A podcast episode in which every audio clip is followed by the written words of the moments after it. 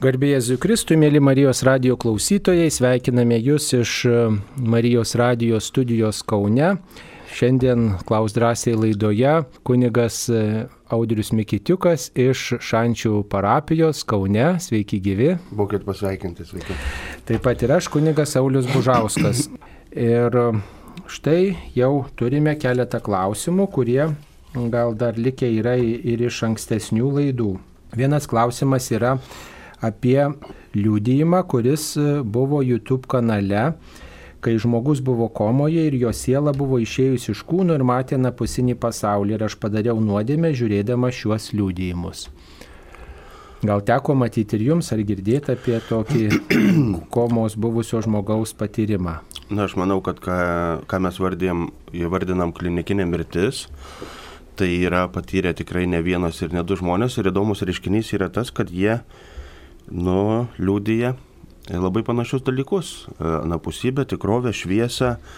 E, nėra, kad būtų, žinot, šimtas žmonių ir skirtingų liūdėjimų. Tai yra tikrai tam tikras, jeigu mes paimtume e, patvirtinimas, gal ne kaip faktas, bet didelis patvirtinimas apie amžinai gyvenimą, apie tai, kad žmogaus sąmonė egzistuoja ir be kūno. E, nesileidžiant į detalės, žinot, kaip tai veikia, kurią sekundę išėjo, kurią sekundę parėjo ir, ir taip toliau ir panašiai, kiek žmogus turi išbūti nekvipavęs arba tenais e, mirus kažkokiam tai smegenų dalelį ir panašiai, bet faktas yra vienas, aš esu skaitęs knygą Gloria Polo, aš kažkaip e, knyga vadinasi, aš stovėjau tarp dangaus ir pragaro.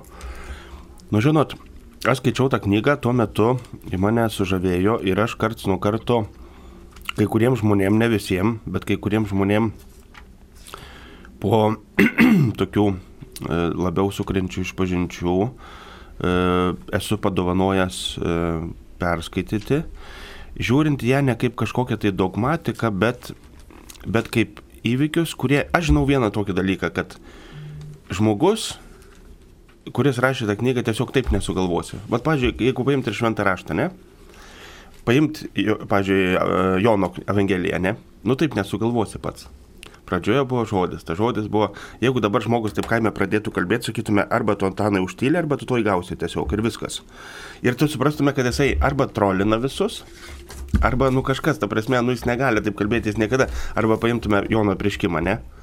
Nu, žmogus negali taip kalbėti, jis tiesiog nu, neturi nei patirties, nei, nei, nei čia jo citatos, nei jis kažkur skaitė, nei dar kažkas.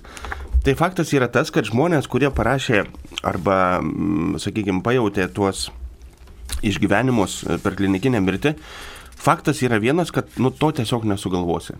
To nesugalvosi, kad tai vyksta Ir, ir ten leidžiantis į smulkmenas ir iš to daryti teologijos aš nedrįšiu, bet kaip šiandien ryte per katechezę mm, sakė sesė Pranciška, daugelis žmonių sako, niekas iš ten netėjo, nesugrįžo ir nepapasakojo. Ir jinai, va štai tokia labai gražią mintį pasakė, atėjo Jėzus Kristus. Jisai sugrįžo iš mirties, jisai numirė, nužengė į pragarus ir jisai iš ten atėjo ir, ir paliudijo jis yra pirmgimis iš mirusių tarpo. Tai, žinot, ir, ir, ir pasakyti, kad niekas iš ten negryžo ir nepasakė, kad yra amžinasis gyvenimas, tai yra netiesa, nes atėjo ir sugrįžo ir, ir papasakojo. Tai taip. kiek vyksta tie žmogiškose plotmėse ir taip toliau, aš manau, kad vis tiek tai galėtų būti nemažai ir mokslo sritis, bet faktas yra viena, kad tai yra faktas, kad tai yra, kad tai vyksta ir aš nežinau, kai moteris klausia, ar nuodėmė ar nenuodėmė, aš nežinau, kitą kartą ekstrasensai irgi ten pasakoja įvairiausiai, žinot, prisidengdami piktosios dvasios e, apreiškimais ir liūdėjims, kas yra tiesa, nes aš e, per žinių radiją, aš tai esu girdėjęs ekstrasenso e, kalbą, kuris labai aiškiai įstikė dvasinių pasaulių ir sako, piktoji dvasia tau nieko veltui neduoda nieko veltui neduoda. Kuo tu nori būti geresnis ekstrasensas, tuo tu daugiau turi pažadėti save, savo, savo, at, savo viso vidinio pasaulio. Tai faktas yra tas, kad ir tie žmonės, kurie, kad ir sąžiningai dirba su tų piktųjų dvasių pasaulio, jie to neslepia ir liūdė, kad tai yra. Jeigu tai yra, nu tai kodėl tai negali būti?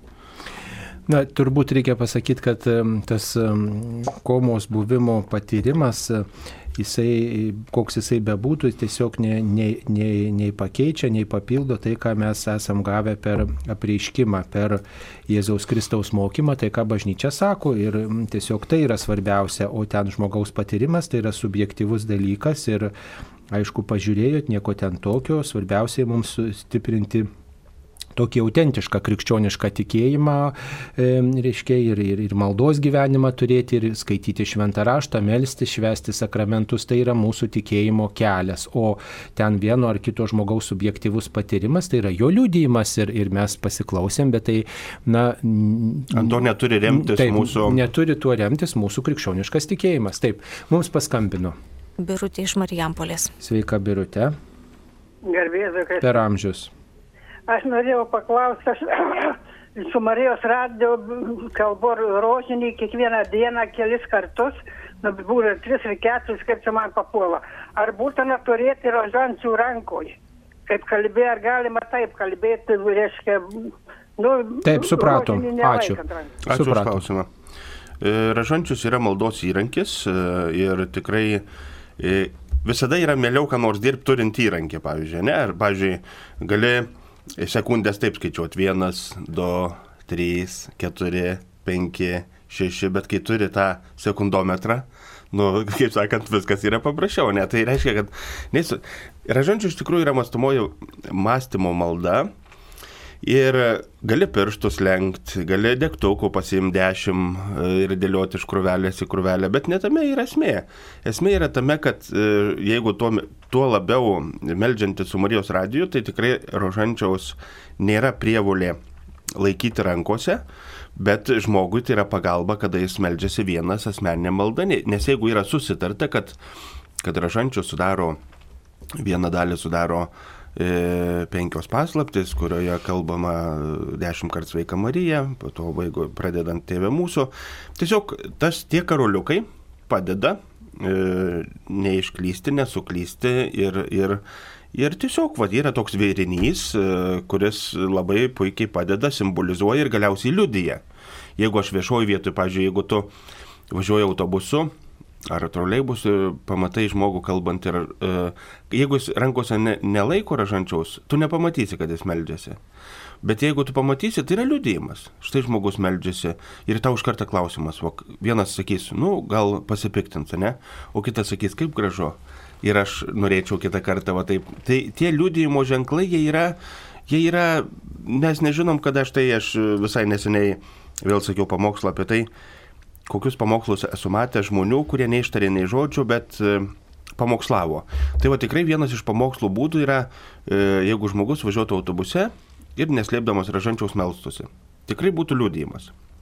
Aš aną kartą Kaune prieš pešiųjų perėję sustojau su mašina, yra tokia, ėjo mučiutė per gatvę ir mašinų daugiau buvo. Ir kas buvo nuostabu, kad e, jinai įdama per gatvę, kaip vyskupas, į abi pusės laimino žmonės. Tiesiog laimino mat, ir, ir dėkojo, taip akivaizdžiai, nusilenkdama dėkojo.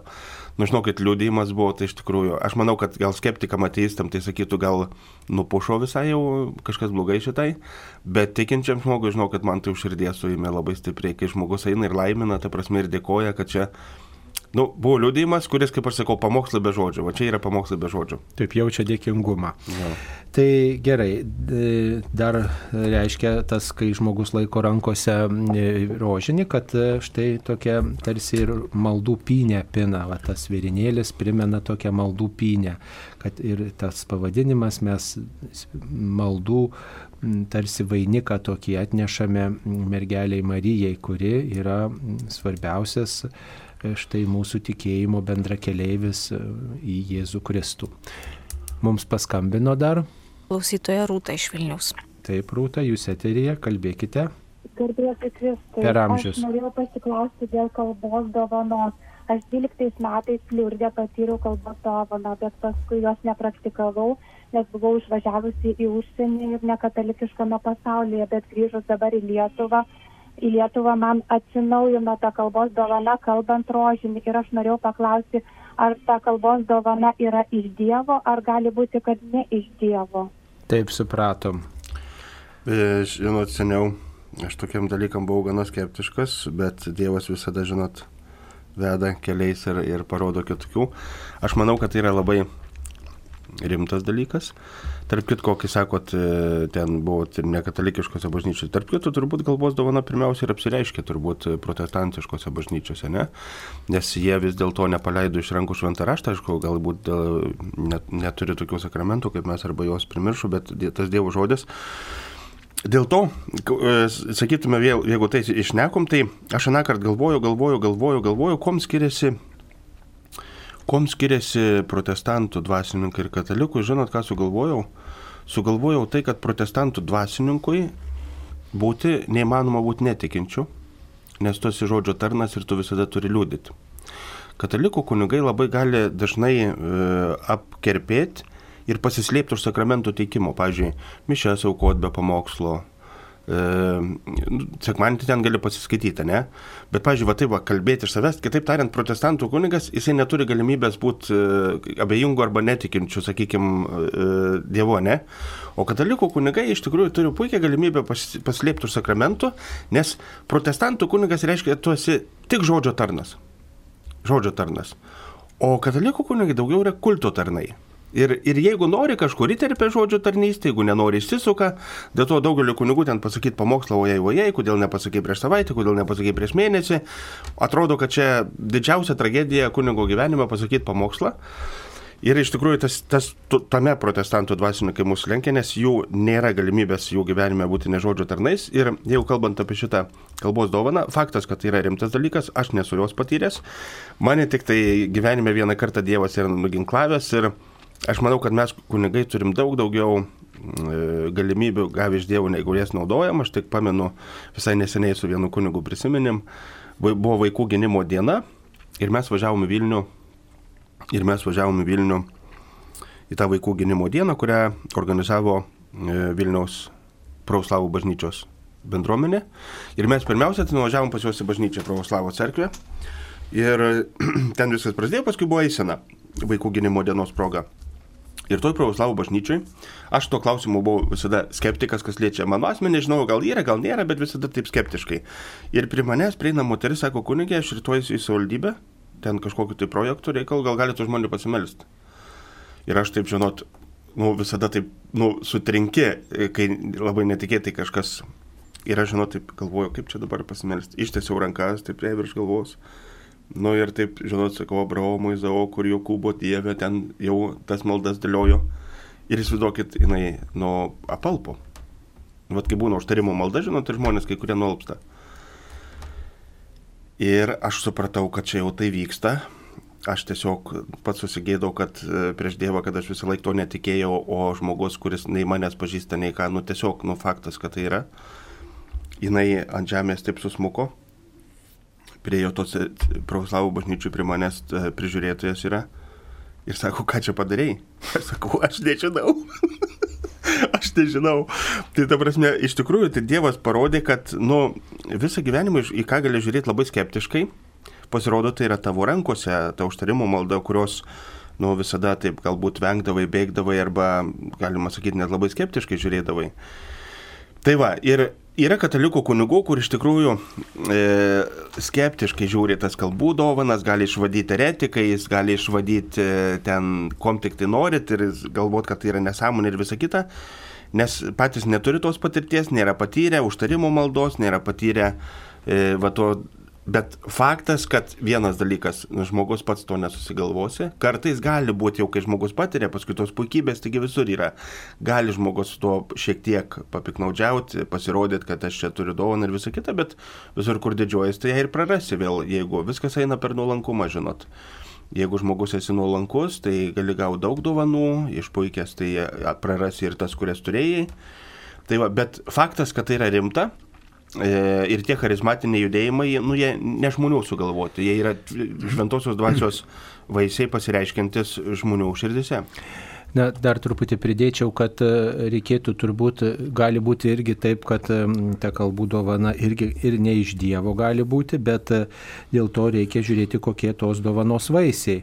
Čia taip pat žinutėje įrašo, kad klausytoje, kad kalbų dovana ateina kalbant ro, rožančių už kitus bet esant vienai ir neturėjau progos praktikuoti juos bendruomenėje. O būtent reikėtų turbūt sieti šitą kalbą, šitą kalbų dovaną su bendruomenė, nes gali būti bendruomenė, gal ir taip ir turėtų būti, kad kažkas turi tą kalbų aiškinimo dovaną. Tuomet įmanoma galbūt ir suprasti, na, kaip. Kitaip tariant, šventajame rašte apie tai yra rašoma. Taip. Tai ir reikėtų naujiena. gal tiesiog tikrai ne, nepasilikti vienai su tom dovanom, bet e, tiesiog kreiptis į tokį charizminį pamaldumą maldumą praktikuojantį kunigą, bendruomenę ir tiesiog kartu būti toj bendruomenėje, melstis ir, ir pasikalbėti apie tai, žinot, nes vienas žmogus negali būti pats savo teisėjas. Tiesiog, jo, be bendruomenės labai greit gali nuklysti. Ir tikrai, na, šveskit sakramentus ir melskitės, o e, žiūrėkit, kur ta dovana jūs veda ir kokie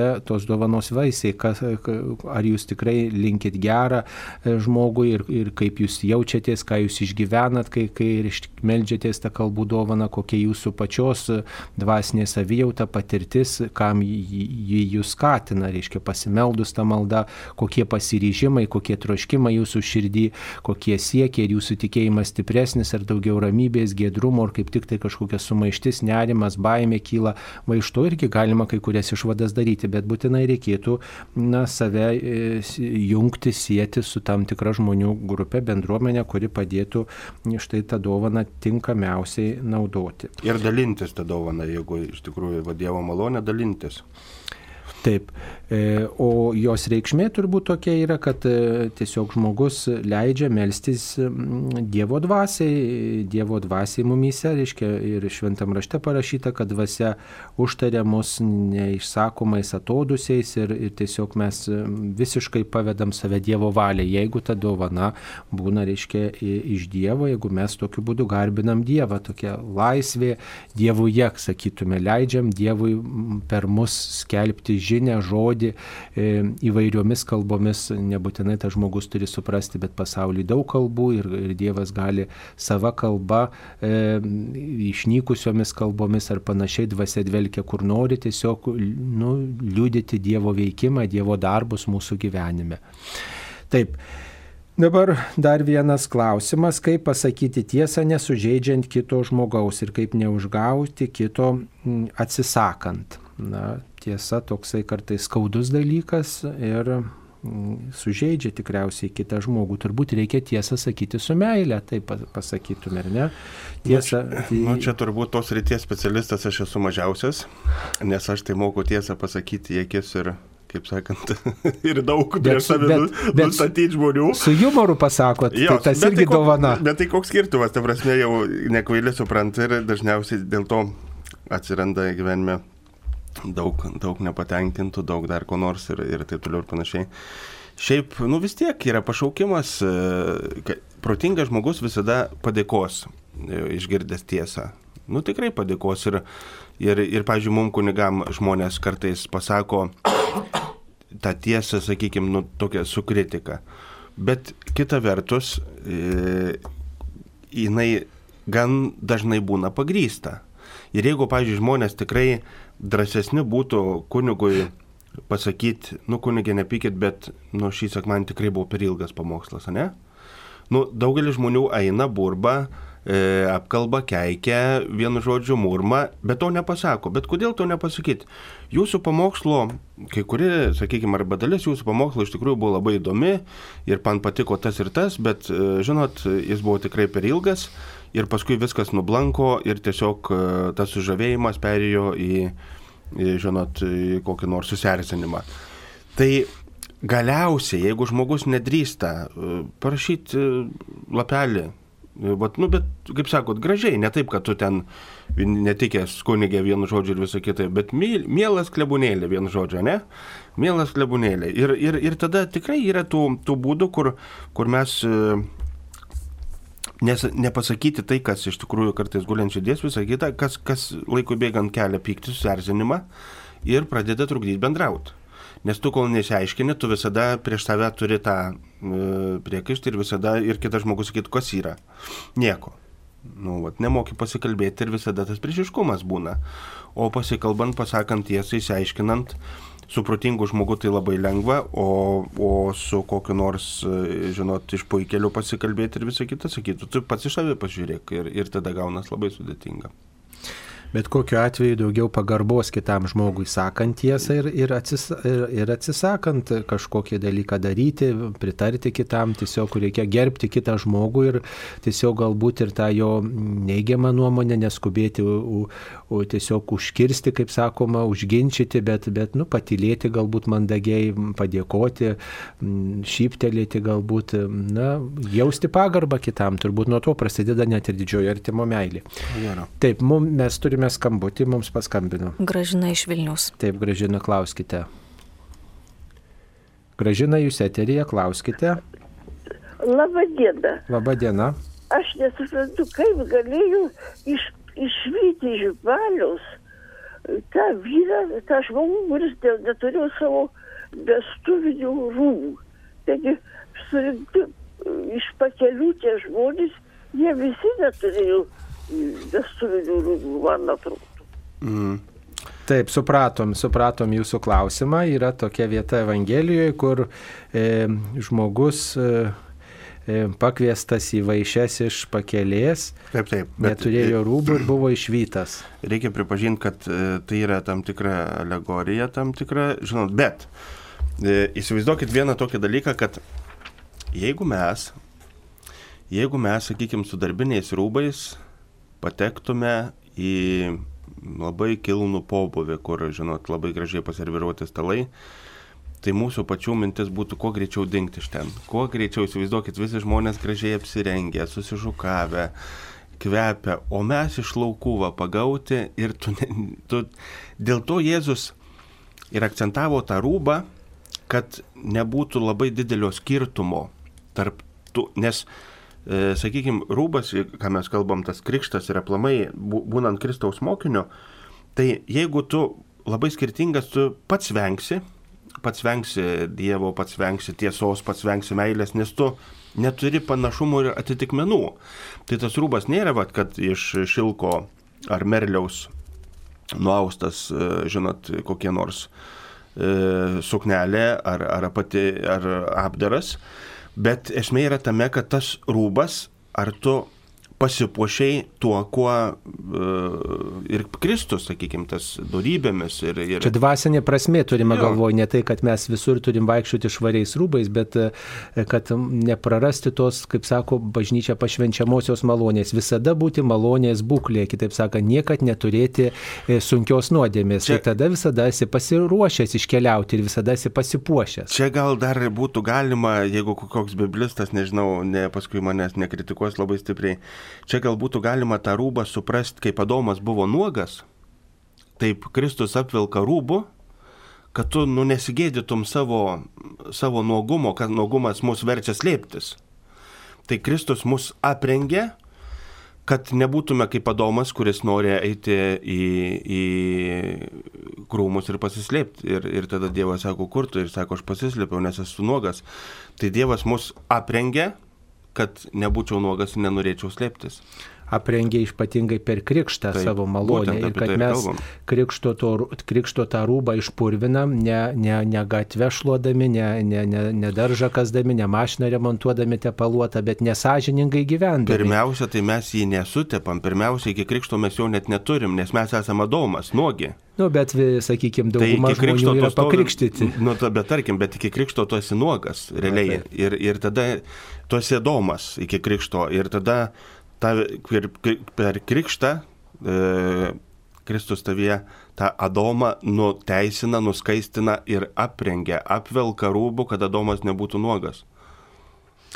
Na, bet turbūt labiausiai mes na, esam nepasiruošę, kai, kai reiškia, pridarom įvairiausių nuodėmių ir neinam iš pažinties, nesigailim, neatsiprašome. Va tada tikrai mes esam, kad ir kasdienybėje, nu, tokių purvinų rūbų atidėdami. Ai, tai senatvėje aš susitvarkysiu arba vėliau, arba ten prieš Velykas, ar, ar prieš kokią šventę, ar va, bus metinės, ar kas prieisiu iš pažinties. Ir tada žmogus vaikšto, gyvena e, su, su tuo purvinu rūbu. Ir o reikėtų vaikščioti su tokiu vidiniu švariu rūbu, reiškia, ne, kad mano sąžinės neslėgtų jokia nuodėmė. Ir, ir tada mes visi norim būti į, dang, į, da, į dangų patekti, būti danguje, amžinybėje, būti Kristaus artumoje, bet iš savo pusės nieko nedarom, kad ten galėtume patekti, kitaip sakant, kad atsilieptume į šitą Dievo dovaną. O būtent tas atsiprašymas, atgailos išgyvenimas, na, padeda, na, tą rūbą balinti tiek, kiek, iš, kiek mes galim Dievui atsiliepti, tą, ką mes galim padaryti. Tai reiškia pasirinkti atgailą, atsiprašymą, atsižadėjimą ir pastangas vengti vieno ar kito, na, blogo darbo, kuris mus kaip Dievo kūrinį išpurvina, subjauroja. Man tai patinka tas terminas, žinot, pasaul, pasaulietinis terminas, suprantamas visiems žmonėms kai tu gyvenime ką nors e, tau patinka, tu nori, tu žaviesi, ką tu darai, tu tiesiog į tai investuoji. Tai vad, investuot. Investuot yra žmonės investuoja į žvejybą. Yra žmonės investuoja į slidinėjimą, investuoja į, nu ir daug, daug dalykų investuoja, ne?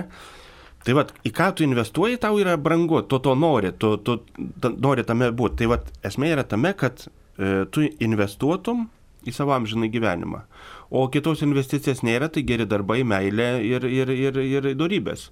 Nes tu, kitaip tariant, visą save, tai yra investicija į amžiną gyvenimą yra ir tavo laikas, ir tavo pinigai, nes, pažiūrėjau, jeigu tu nori padaryti gerą darbą ir tame reikia išlaido, ne?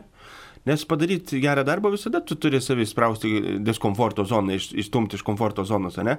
Ir tai yra investicija. Pavyzdžiui, jeigu žmogu, žmogus turi motociklą, ne? Ir jį ką vadina tuninguoja tuninguoja ir mašina, ir motociklas daug kainuoja yra investicija. Tai paaiškinkit, ką tai reiškia, ne visi gal supranta. nu, vat moteris dažus reiškia savi tuninguoja. Į kirpyklą patuningavo. tai, tai suprantat, bet tuningas pagražino, nudažė, apkabinėjo visokiais užrašais, gražiais blizgučiais ir taip toliau ir panašiai. Tai va, tuninguoja tai reiškia investuoja. Ir investuoti tai reiškia skirti laiko visų pirmiausia. Įsivaizduokit, jeigu žmogus e, turi kokį nors automobilį arba motociklą, kiek jis praleidžia garaže, jisai investuodamas, ne? Tai va, kai tu investuoji dangaus karalystę, tu praleidai laiką ir bažnyčioje, ne, ne garaže, suprantat. Ir tai va, investicija reiškia skirti visko - laiko, pinigų, e, savanorystės, meilės, kitaip tariant, investuoti į dangaus karalystę. Jeigu neinvestuoji, tai normalu, kad ir tie dividendai, ta prasme, jie, aišku, Čia tie dividendai visada gali pakilti iš Dievo gailestingumo, tai čia yra faktas. Bet, bet iš mūsų pusės, ką mes galim padaryti, jo, kad, kad reiškia, atsilieptume į Dievo veikimą. Taip, ačiū. Yra kvaila tikėtis, kad Dievas atleis, jeigu nesigailiai, net neprašai to atleidimo. Kad tai... neatsiliepi į Dievo jo. malonę, neatsi, tas mūsų atsiliepimas, ta, tas rūbo prausimas, balinimas, tai reiškia ateiti pas Kristų jo šauktis. Gerai. Dabar e, dar vienas klausimas. Po mirties siela patenka į skaistyklą arba į pragarą šventieji į dangų, o paskutinis teismas ar Dievas teis sielas antrą kartą.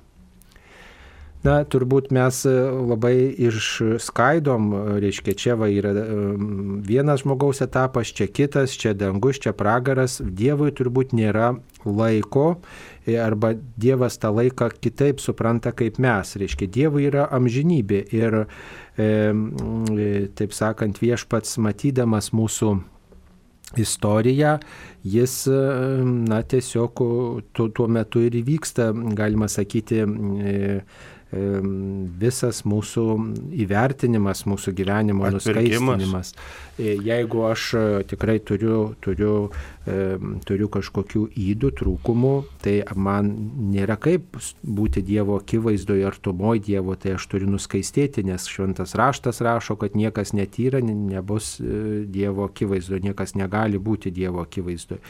Kas netyra, suteršta. Tai, tai reiškia, mane viešpats kažkaip išskaistins, va, bet jeigu aš nenoriu viešpaties, nenoriu to išskaistinimo, netrokštų, tai aišku renkuosi atmetimą, vienatvę, priešiškumą.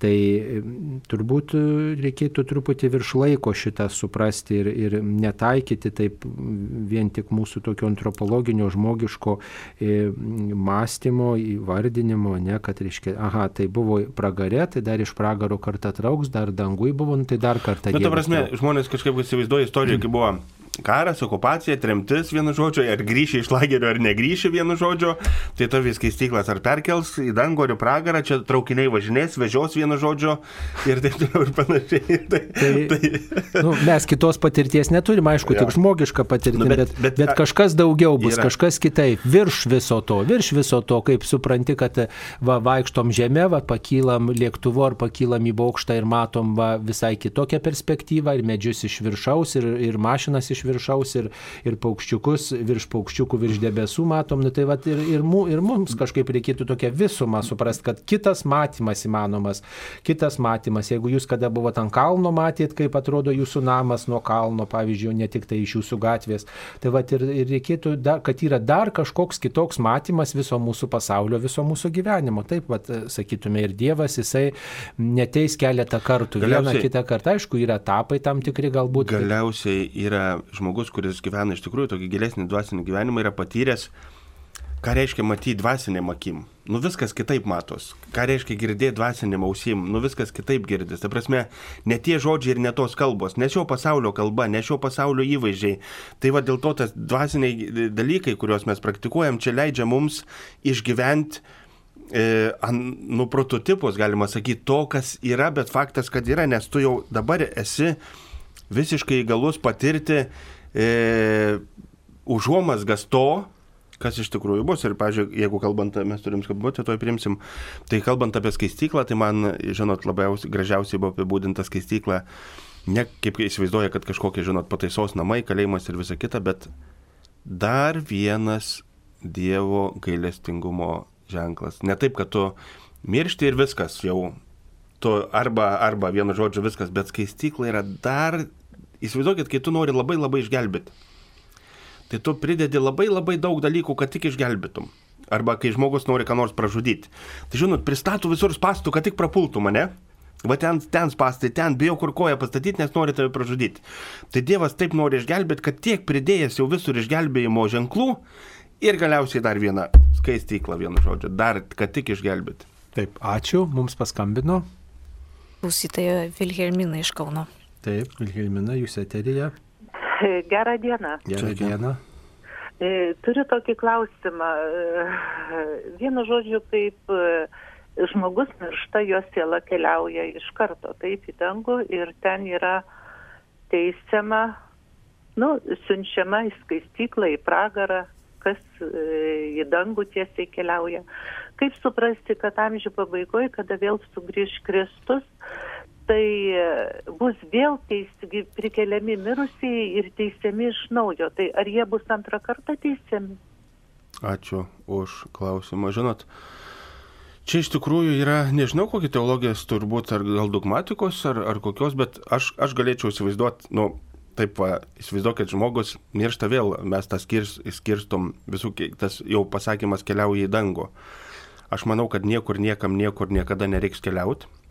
Esmė yra tame, kad mes, įsivaizduokit, kai Dievas, kai Dievas e, Adomui sakė, dabar gyvensi žemė ir savo prakaitų mildinsi duoną. Kitaip tariant, pasaulis, kurį Dievas sukūrė, yra regimasis ir neregimasis. Adomo, galima sakyti, tas pasakęs, kad dabar gyvensi žemėje, apribojo jo galimybės e, pažinti tai, ką Dievas yra sukūręs. Kitaip tariant, tu to nepažinsi. Ir va, ta gyvensi žemėje, tai reiškia kauptukas, aukštis, gili žemės trauka, ta prasme ir visa kita. Aš manau, kad pasaulis, kurį Dievas sukūrė, yra tokių galimybių būtent va čia. Va, kaip pavyzdys. Internetas jų galėjo būti ir prieš 10 tūkstančių metų. Bet mes tiesiog, nu, nebuvom radę galimybių. Bet, bet Dievas pasaulio nedakūrė. O dabar 20 amžiuje Dievas, sakytume, patuningavo pasaulį ir atsirado galimybė naudotis internetu ir visi, o, ačiū Dieve, tu da- dakūrėjai vienu žodžiu, dadėjai saugiklių arba ten laidų ir, ir, ir dabar ačiū Dievui, mes tiek, tiek amžių vargom ir tik 20, 20 amžiuje pagaliau Dievas leido naudotis internetu. Arba, sakykime, radio bangos, ar ne? Visi kiti dalykai, jie buvo per amžius. Tada jau, kai Dievas kūrė, jisai kūrė pasaulį būtent tokį regimą ir neregimą su labai labai daug galimybių. Aš manau, kad tai, ką, ką patyrė Domas, dabar eisi į žemę ir savo prakaitų pelnysi duoną, tai Dievas apribojo labai labai žmogų, kadangi nusidėjai, tu negali būti taip, nu, kaip pavyzdys būtų, įsivaizduokit, jeigu mūsų šeimos narys tampa nuo ko nors priklausomas, ne? Ir tu normalu, kad nuo jo pradedi kai ką slėpti. E, pradedi slėpti pinigus, jeigu žmogus priklausomas nuo alkoholio arba narkotiko, ne? Tai tu pradedi slėpti pinigus, alkoholį. Ta prasme, jisai negali dalyvauti, turėti visą, ką tu turi, nes jis, nu, per silpnas, ta prasme, jis, jis, jis jau vagia ir neša ir, ir, ir, ir žudo galiausiai save. Ir tada dėl tokio žmogaus to apriboja e, namų prieimus ir tu sakai, tu galėsi va čia tik tai valgyti, čia mėgoti, ta prasme, kad tu nepreitum prie to, ko tau nereikia, nes jeigu tu eisi į tą kambarį, kur yra baras, tai tu pavoksi, išneši arba kur pinigai ir visa kita. Čia labai geras anegdotas prisiminiau, žinot, sako, kada vaikai yra suaugę. Vaikai būna suaugę tada, kai nuo jų jau reiks liepti ne saldainius, o brandį. Nes kol, palauk, aš dar nebaigiau, dar kol slėpi saldainius, tai vaikai jau, jau kaip brandį reiks liepti, nes saldainius tada jau suaugę. Taigi iš tikrųjų, įsivaizduokit, niekur niekar nekeliaus, tiesiog uh, mūsų kūnui numirus, mes prarasim tą vien tik tai, ką Dievas sakė Domui, tu dabar tik su žemė turėsi reikalą. Uh, Ir mes vėl pa, į, pamatysim tą neregimą Dievo kūrybą. Neregimą Dievo kūrybą, kuri yra, mes dabar tik toj regimoj kūryboje, bet kai mes vėl papulsim po mirus kūnui tą neregimą Dievo kūrybą, tai mes papulsim į tą tikrovę, kurią Dievas tikrai kūrė tas šešias dienas, kurią Dievas kūrė ir tai matė, kad tai buvo gera. Ir, ir, ir štai visa ta esmė, kad, kaip sako, ten eis ar ten, ar ten ir, ir taip toliau ir panašiai. Tiesiog viskas yra čia niekur niekam nereikės. Kokį ten buvo klausimas, mėdavausi, galvoju ir pamiršau. Taip, ar paskutinis, paskutinis A. teismas bus antrą kartą, Taip. Ir, ir kalbant apie tai, aš e, galvoju, teologija, nežinau, tam irgi neprieštarautų, bet aš manau, kad tai įvyks tada, kai Dievas, kaip čia pasakyti, galutinai nebeliks jokio blogio. Nes priešingų atveju, kaip e, kalbant, kokia čia dangaus karalystė, jeigu žinai, kad yra žmonių, kurie kenčia pragarė, aš manau, kad Dievas teisdamas, jis, ne, jis nenorės teist, kad nuteistų. Nes jeigu Dievas teistų, kad nuteistų, tai, nu, kažkaip ne Dievo stilius. Ir aš manau, kad Dievas teis, perteis, išteisins, pasigailės ir nebe, nebebus liūdėsio, nebebus blogio, nebebus tiesiog, kai jis ateis laikų pabaigoje gyvų ir mirusių teistys viską perteis vienu žodžiu ir viskas uh, bus atpirkta Na, galiausiai ir. Svarbiausiai tas klausimas, kad nieka paskutinio teismo tas, e, reiškia, įvaizdis liudija, kad niekas neišvengs na, savo gyvenimo įvertinimo, reiškia, savo darbų vaisių. Va taip pasakyta, net ir tas, kas gyvas tuo metu, bu, reiškia, vat, bus kaip pasaulis prieis kažkokį e, jau pabaigos etapą, nei, nei, nei tas, kas iškeliavęs, reiškia visi, visi stos prieš Dievą, jeigu taip galima pasakyti. Paskutinis visuotinumas. Dievo. Dievo žodis. Va taip ir. O kada tas, tas įvyks, kaip tai įvyks, jau mes, neklau, e, mes neklausėm ir nenagrinėjom to, to klausimo laikė. Ne? Tai įvyks. Va tą nori pasakyti šventasis raštas ir bažnyčios mokymas, kad visi stos prieš Dievą. Ir tam tikrą prasme man nėra svarbu, ar mane čia kaip teis Dievas, kaip baigsis viskas čia sutrupėsi dulkės, ar teis tada, kai aš numirsiu, va, sakykime, kiek mano čia gyvenimas. Aš manau, kad realiai, jeigu išimant laiką, skirtumo. viskas vyks vienu metu. Taip, tai yra, yra, yra, reiškia, mums nesvarbu. Svarbiausia, kad aš stosiu prieš Dievą. Va, tas yra svarbiausia. Mes nekelkim gal net ir to klausimo, ar čia kelis nes... kartus Dievas teis, nes tas kelis kartus teisimas reikštų, kad Dievas nėra teisingas. Jo teisė vieną kartą, paskui dar kažką nuteisė teisė, tai tiesiog tas teismas vyksta, galima sakyti, vertinimas nuolat tam tikras. Nu vėl, mes kalbam taip žmogiškai teismo terminais, bet realiai aš manau, kad ateis, ateis laikas, kai tiesiog nebeliks blogio, ne, ne, ne, nebebus kas ne, ir Dievas viską perkės, atpirks ir, ir, ir tiesiog tai, tai yra Dievo esmė. Gerai. E, ar nenulaidžiaujama bažnyčioje vardant populiarumo, štai kremavimas yra netinkama muzika ir taip toliau Lietuvoje, kitur kitaip, Italijoje, Lenkijoje. Oi, man tai patinka šitas klausimas. Oi, kaip patinka. Išvaizduokit dabar, jeigu žmogus numiršta. Jeigu žmogus numiršta, tai pagal Lietuvos Respublikos įstatymus jam nėra privalu laidutis pagal kataliko apeigas. Tu gali būti palaidotas be kataliko peigų, vienu žodžiu, tiesiog žmogus numirė ir jį reikia palaidoti. Ir kas jo laidotuvėse gros, šoks, dainuos, balevos, dar ką nors, tai viską jis gali, ko nedraudžia Lietuvos Respublikos įstatymai. Viską. Aš manau, kad problema yra tame, kad katalikų bažnyčia laidoja visus. Ir kai mes laidodame visus, nueinam į jų laidotuvės ir pradedam piktis, kad mes atėjome laidotuvę ir jie taip laidoja. Jie kaip nori, taip jie laidoja. Ne, suprantat, problema yra tame, kad mes sutinkam dalyvauti jų laidotuvėse.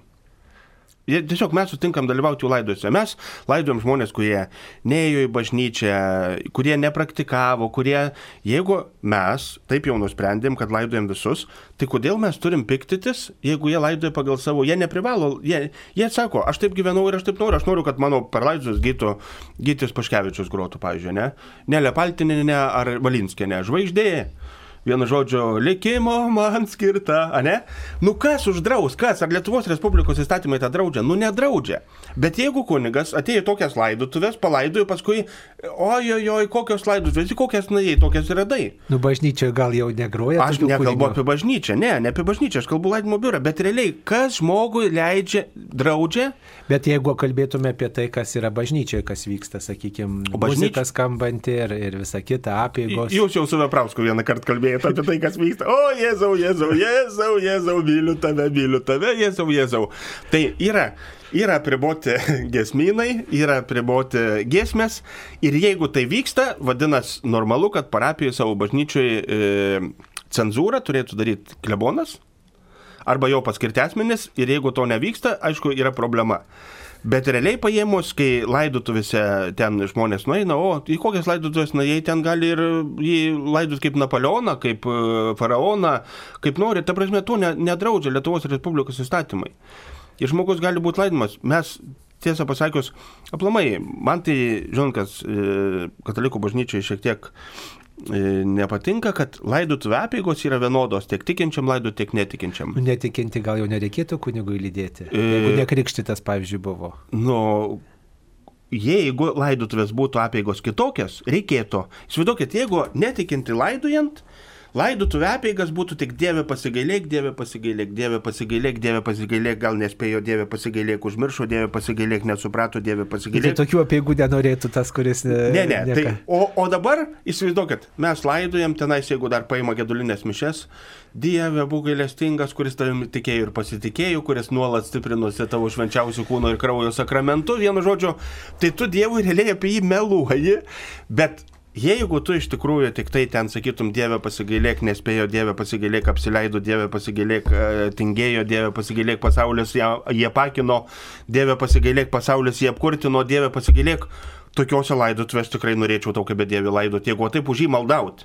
Nu, tai siūlykit tokias apiegas. Bet jį e, girti laidojant, aš neturiu jokio noro, bet maldaut už jį labai norėčiau. O mūsų apėgos yra tik tai, vienu žodžiu, e, ten tik, kitaip tariant, mūsų laidotuvės katalikų yra laidoti tik tikinčius ir praktikuojančius žmonės. Gerai, mums paskambino. Gerai. Romualda iš Šiaulių. Taip, Jaučiu mane Romualda. atskirs nubus. Klauskite, Romaldą. Gerbėjas, Sutaikinsim kaip nors. Per amžius amen. Aš kitokią temą truputėlį. Ačiū Dievui, nes jau- Norėčiau Marijos radio direktoriaus paaiškinimų. Mūsų visa šeima ir daug pažįstamų klausom Jono Mikelinsko juodųjų eglių šalis. Nu ir žinokit, jau savaitę būna ilgu laukti. Tai jeigu dar kas nors įterpiama į tarpą, tai jau tiesiog, žinokit, nebemalonu. Supranta. Taip. Nugi nekeiskit jokių ten kadžyčių į Jono Mikelinsko, kol nepabaigsit skaityti visą laiką tos knygos. Nu, matot, ačiū, supratom jūsų mintį. Matot, visada knygą galima pasiimti iš bibliotekos ir paskaityti, paskubėti.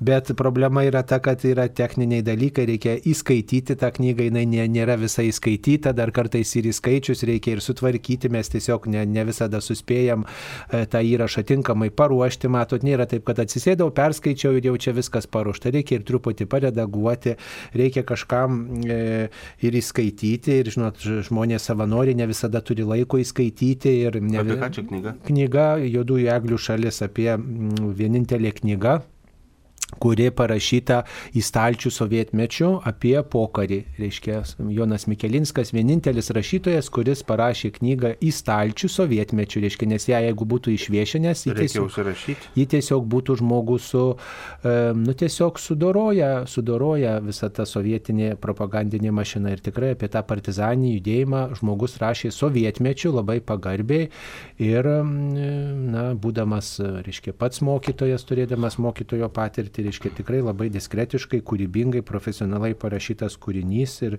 verta paskaityti to kvėpio laikui. Tai, e, nu, atsiprašom, kad e, prailgsta jums laukti, bet, e, nu, dabar šiuo metu, pavyzdžiui, irgi tokia situacija, kad mes negalim tęsti tos knygos, nežinau, kaip čia viskas susidėlios, nes, nes tiesiog įskaityta, žinot, įskaityti reikia skirti laiko ir, ir, ir tam tikri techniniai dalykai yra ir, žinot, skaičius kartais ir prapuola tas įrašas technika, žinot, yra, nėra tokia patikima, kad jau įskaičiau ir yra viskas. Taigi labai meldžiam, kad suprastumėte šitai ir um, visada galima knygą susirasti ir patiems perskaityti kuo skubiau. O nu, kaip tik intriga yra, kaip tik intriga dabar, laukti. Va, aš irgi va, dabar užsirašiau pavadinimą ir skaitysiu tą knygą. Tai, tai va, čia labai intrigavo šitą punę. Tikrai verta skaityti ne tik tai geras knygas, bet pačias geriausias. O kitos laidos, kurios ateina, matot, yra tam, tikros, tam tikram, reiškia, laikotarpiui, e, kurios labai tinka, tai aš sakyčiau, kaip tik tai paivairina, paivairina,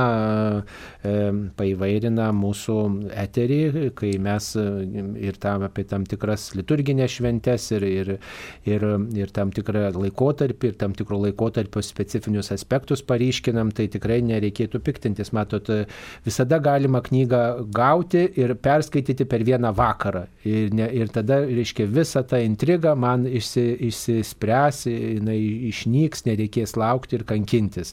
O jeigu mes e, eterio norim, tai mes negalim per vieną vakarą, per vieną dieną perskaityti visos knygos arba kas vakarą transliuoti. Na tai tiesiog yra, kad reiškia, vad savaitgaliu toksai. Bet kaip gražu būtų prieš miegą atsigulę savo ir... Na nu, taip, tai nu, yra, taip prieš miegą galima ir pačiam skaityti. Bet tai vis tiek radija, pažiūrėjau, jeigu atsigulė prieblandui, pažiūrėjau, prie žvakių šviesos, ne, pasileidai radiją ir vakare, pažiūrėjau, pusę devynių, visada žinai, kad bus skaitoma e, juodųjų. Nu, matot, ne visiems gal patinka, ne visiems patinka, nu, tada, reiškia, tai... Tada įsijungia žinių radiją arba... Ne, tai mes norim, kad klausytų Marijos radiją.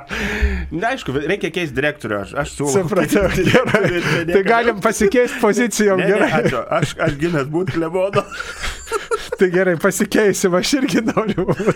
Ne, gerai, ačiū. Ne, ne kiekvienam pabažnam būti klebono, kaip Gerai, sakant. supratau. Čia turi, čia turi nusipelnyti.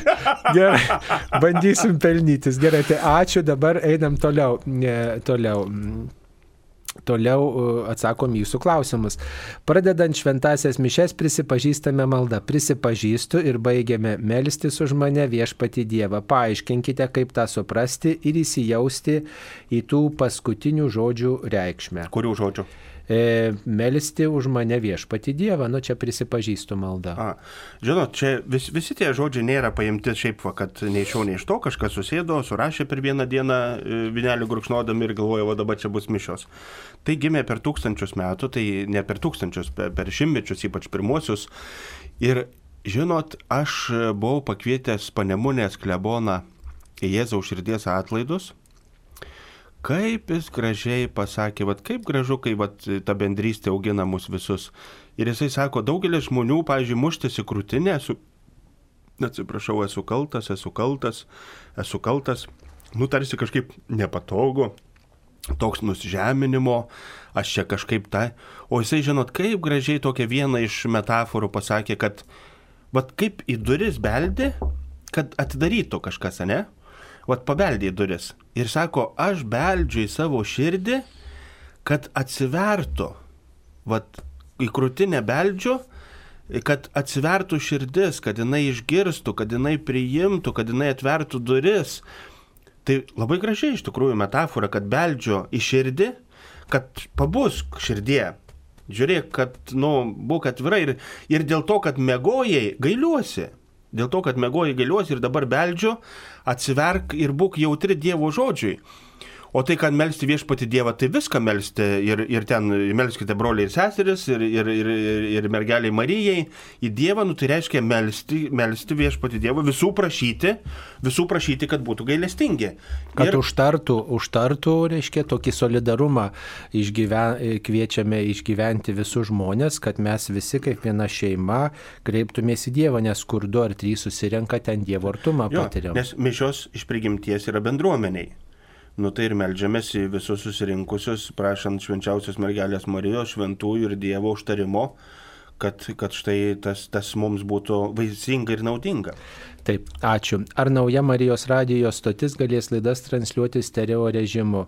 Taip, e, čia yra tokios galimybės numatytos. e, Ateityje radijas tikriausiai, e, kaip ir televizijos signalas keitėsi, žodžiu, buvo pertvarkos, tai tikriausiai radio signalo tas pats laukia. Tai, žodžiu, viskas ateityje ir, aišku, technika progresuos. Ir dar čia klausimas, kad Kaune stringa Marijos radijo e, dažnis. Tai tikrai čia yra tam tikrų šiokių tokių sunkumų ir net ir automobiliuose kai kas vat, skundžiasi, kad sunku klausytis Kaune Marijos radio, tai tikrai atkreipsim į tai dėmesį.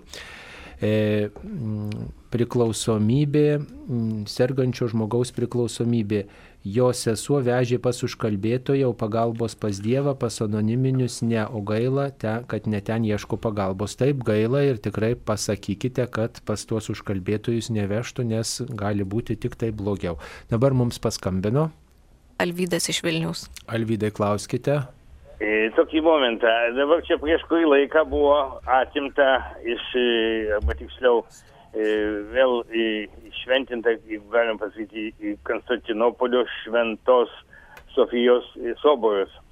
Taip, skaitau, kad čia krikščionybei yra duris e, kinžalų į nugarą panašiai. Taip, jūsų klausimas, Alvydai, koks jūsų klausimas? Nu, tai aš ir klausiu, kaip dabar, kad niekas, e, iš- nei popiežius, e, jezuitas nieko neišliai kažką nekalbėjo. Taip, ačiū, supratom, supratom. Popiežius tikrai kalbėjo, popiežius tikrai išreiškė apgailestavimą ir tikrai e, ne tik tai viešai tas yra daroma, bet tikriausiai ir, ir, ir kitais lygmenimis, ir diplomatiniais kanalais. Ir tikrai pasidomėkite, popiežius išreiškė savo poziciją. Tai tikrai nebuvo taip, kad visi niekas nereagavo. Reagavo ir, ir atitinkamai. Bet, bet vėl kita vertus, žinot, e, pasaulis keičiasi, jisai nebūna vienodas.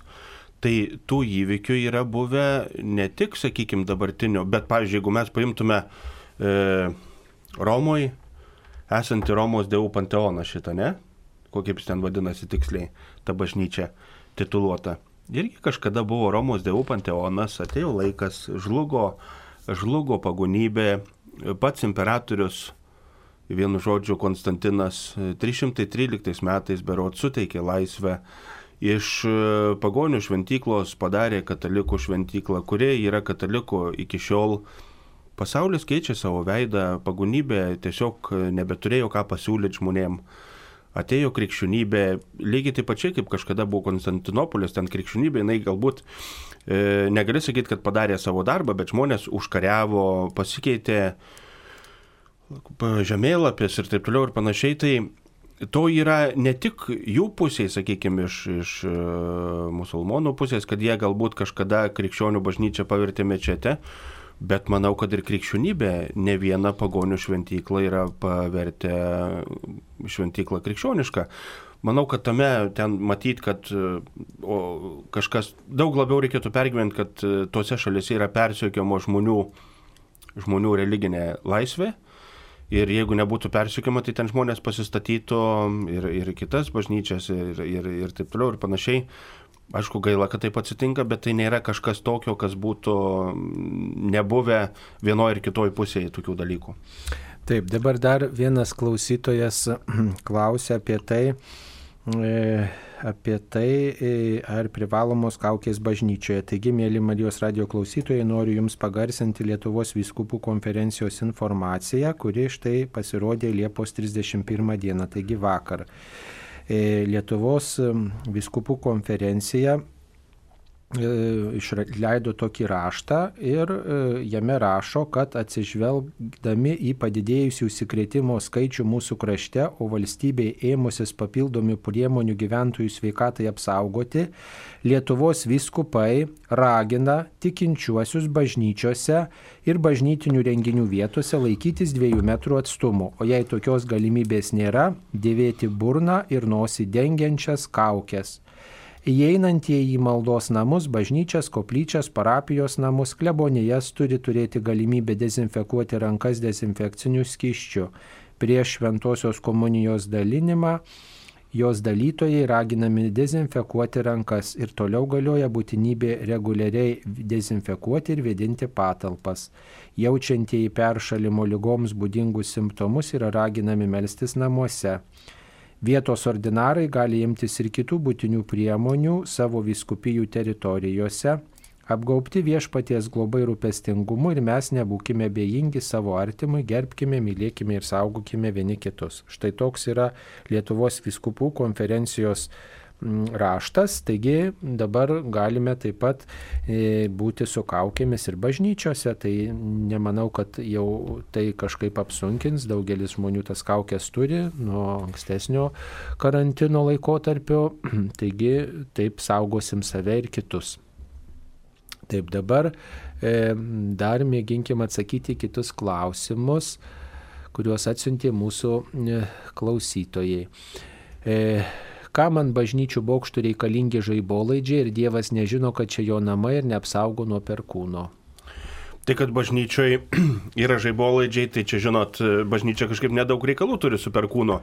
Bet kam ant pagonių, e, kurie savi pagoniam laiko ant jų pastatų, darboviečių, yra žaibolaidžiai, tai aš nesuprantu. Garbini perkūną ir pasistatai žaibolaidį, kad apsaugotų nuo perkūno. Tai aš manau, kad šitas klausimas yra skirtas ne katalikų bažnyčiai, bet tų visų pirmiausia reiktų paklausti pagonių, kurių Lietuvoje yra, jų asociacija kažkokia registruota ir jų paklausti, kodėl pagonis ant savo gyvenamo namų darboviečių ir kitų pastatų yra užsidėję žaibolaidžius. Taip, nu matot, bet to žaibolaidžių reikalauja ir prieš gaisrinę apsaugą. Jo. Apsauga, bet to, na, tiesiog mes darom žmogiškai tą, ką galime ir laikomės ir tvarkos, ir saugumo, tai priklauso taip pat ir nuo mūsų nuo mūsų, kaip sakant, ir nuo mūsų mm, požiūrio, nuo mūsų mums patikėta rūpintis ir, ir mes turim rūpintis atsakingai mums patikėtų turtų gerybėmis, ir, o vis dėlto Dievo veikimas, jisai yra virš visko. Mes negarbinam perkūno, dėl to jo saugomės, o kas jį garbina, neturėtų saugotis. Taip, dabar. E, Seniau antkapyje rašydavo žmogaus gimimo ir mirties metus, mėnesį ir dieną. Dabar ant dažno paminklo matom tik užrašą vardenių šeima, pavyzdžiui, prašau pakomentuoti. Tai nėra bažnyčios mada, tradicija ar dar kažkas, tiesiog žmonės visada tampa praktiški jie paskaičiuoja, kiek raidžių, kiek kainuoja vienu žodžiu, priima trumpiausią variantą ir prašau, vienu žodžiu, kam, kam mėtyti pinigus, jeigu galima juos. Taip, čia jau kaip jau šeima nusprendžia, taip ir būna. Anksčiau rašydavo ir kaimą, iš kurio kilę, ir, ir visokias sentencijas, ir vaizdelius taip. iškaldavo. Svarbiausia, bažnyčia patarė, kad būtų krikščioniško ženklo e, tam tikras atvaizdas. Tai tada tas, tas, tas reiškia, vat, liūdė, kad čia ilsisi krikščionis, arba to žmogaus artimieji yra krikščionis, ir, ir kad čia vat, mes melžiamės už tą žmogų ir tikrai tinka pasimelsti, pamastyti apie amžiną gyvenimą gyvenimą prie tokių ženklų krikščioniškų. Tai va tas yra svarbu. O ar vardas, ar pavardė bus iškalta, tai čia netaip svarbu. Dievui žinomi mūsų vardai ir mūsų istorijos. Gerai, dabar padarykime pertrauką. Tu es grand Dieu saint, loué soit ton nom, tu es grand Dieu fort, et nous célébrons Dieu de tendresse, ta miséricorde et ton Pokalbių laida Klausk drąsiai.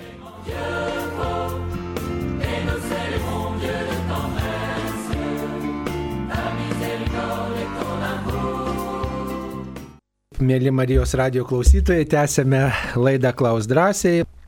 Žmogus klausė, siuntė žinutę. Sekmadienį buvau Maksimoje, ar tai nuodėmė lankytis parduotuvėse sekmadienį? Na, faktas yra vienas, kad e, sekmadienį mes lankydamėsi parduotuviai, mes neleidžiam kitiems švęsti sekmadienio, nes jie tada mus turi aptarnauti, teikti paslaugas. Normalu, kad sekmadienį turi dirbti e, tokio būtinumo, būtino aptarnavimo kaip greitoji, e, policija, priešgaisrinė, televizija, radijas ir daug kitų, bet nebūtino, iš tikrųjų yra gaila, daug kartų bažnyčiose suskelbęs, kad žmonėm neikit sekmadienį į parduotuvės, bent jau gal tos parduotuvės ir neužsidarys, bet tikrai yra skirtumas, ar sekmadienį tau didelis rautas toj parduotuvėje, ar mažas, sakykime, patiems pardavėjams, ne? Ar perki tik tai vieną dalyką ar du, ar ten pilną vežimą prisikrauni? Jo, tai bet kita vertus vis tiek žmonės, eidami iš bažnyčios kaip į muziejų, nu, užeisiu į parduotuvę, pažiūrėsiu, ko yra, rytoj ateisiu, lygtais nežinai, ko ten yra ir lygtais šiais laikais ko nors negausi. Nu, Ne? gal nuolaidos kokios? Tai pirmadienį nuolaidos prasideda, ne sekmadienį turbūt. Nu, nežinau. Bet faktas yra tas, kad einant į parduotuvę sekmadieniais, einant per šventes, aš e, savo noru būti bet kurio laiko aptarnautas, atimu kitų galimybę švęsti sekmadienį, o tuo labiau tikrai yra skirtumas, ar sekmadienį parduotuvė apsilankys tūkstantis žmonių ar šimtas. Tai krūvis vis tiek jau yra nu, daug, daug lemintis dalykas. Tai čia yra samoningumo e, e, klausimas. Ir kai, kai kitiem, kai kitą kartą kiti žmonės mums neparodo samoningumo, sakom, o kokie tie žmonės nesamoningi, kokie tie žmonės, žinai, taip toliau ir panašiai. Visi mes tą patį darom, o, o kitus kaltinam nesamoningu, o savęs ne, niekada. Taip, taigi, jeigu galite, nepirkite sekmadienį, ne, neikite į parduotuvę, jeigu tik yra tokie galimybė. Yra restoranai, kavinės, kurie tegul dirba, normalu, prisideda prie šventimo visuomenės, taip, turi būti. Blogiausiu atveju, jeigu ten trūksta, ko nors gali į degalinę, bet taip vienu momentu ir buvo, aš sekmadienį, e, jeigu ko reikia, tai degalinė. Nuvažiuoju konservų, ten yra vienu žodžiu, jeigu agurkų, ar marinuotų. Tiesiog reikia planuoti savo laiką Taip, ir geriau taip. pir, apsipirkti kitų laikų. Taip, mums paskambino. Jo. Zinaida iš Kauno. Taip, klauskite. Norėčiau, Klauskite, jūs eterį. pakomentuotumėt, ką reiškia žodis širdis. Tai pirminis žodis, kuris apibūdina žmogaus vidinio pasaulio centrą - gėrio ir blogio pradžią. Tai yra iš psichoterapeuto Giuseppės Kolombero knygos apibrėžimas širdis.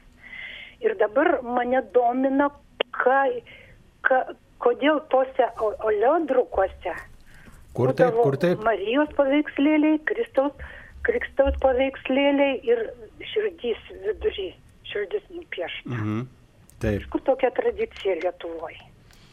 Ačiū. Tai ne tik tai Lietuvoje, tai yra ta širdis nupiešta e, čia dar iš ankstesnių ir visam pasaulyje ta širdis vaizduoja na, patį giliausią tokį asmenybės e, ženklą, Juk- dėmenį. Juk kai mes apie žmogų kalbame, ne, irgi sakom geros širdies, gailestingas širdies, meilios širdies, nu nesakom gero skrandžio, žinot, meilaus skrandžio, gailestingo skrandžio arba ten kepenų gailestingo. Tai visada tai visiškai normaliai žmogaus sąmoniai yra įsišaknyje, kad, o sako, žmogus geros širdies, o žmogus gailestingo širdies. Tai čia natūraliai tas ir kyla, jeigu tu kalbė apie gailestingą širdį, tai ją ir vaizduoji. Jeigu kalbė apie nu, ma, malonę, švelnę širdį, kaip sako, jeigu žmogus ten e, pas daktarą būna ar ligoninėje guli, sako, seselė buvo labai švelnio širdies. Nu, tai tiesiog taip yra. Mes nesakom, kad žmogus švelnių smegenų arba gerų smegenų. Tiesiog taip yra. Širdis yra tas centras, kuris, pažiūrėk, kai žmogui yra koks dvasinis skausmas. Nu taigi ne, ne kepinis skauda, o širdis skauda. Fiziškai skauda širdį, tiesiog fiziškai. Jei žmogus yra, žinot, blogai jaučiasi, nu ką skauda, nu, nu, nu, nu neįnkstus, o širdis skauda.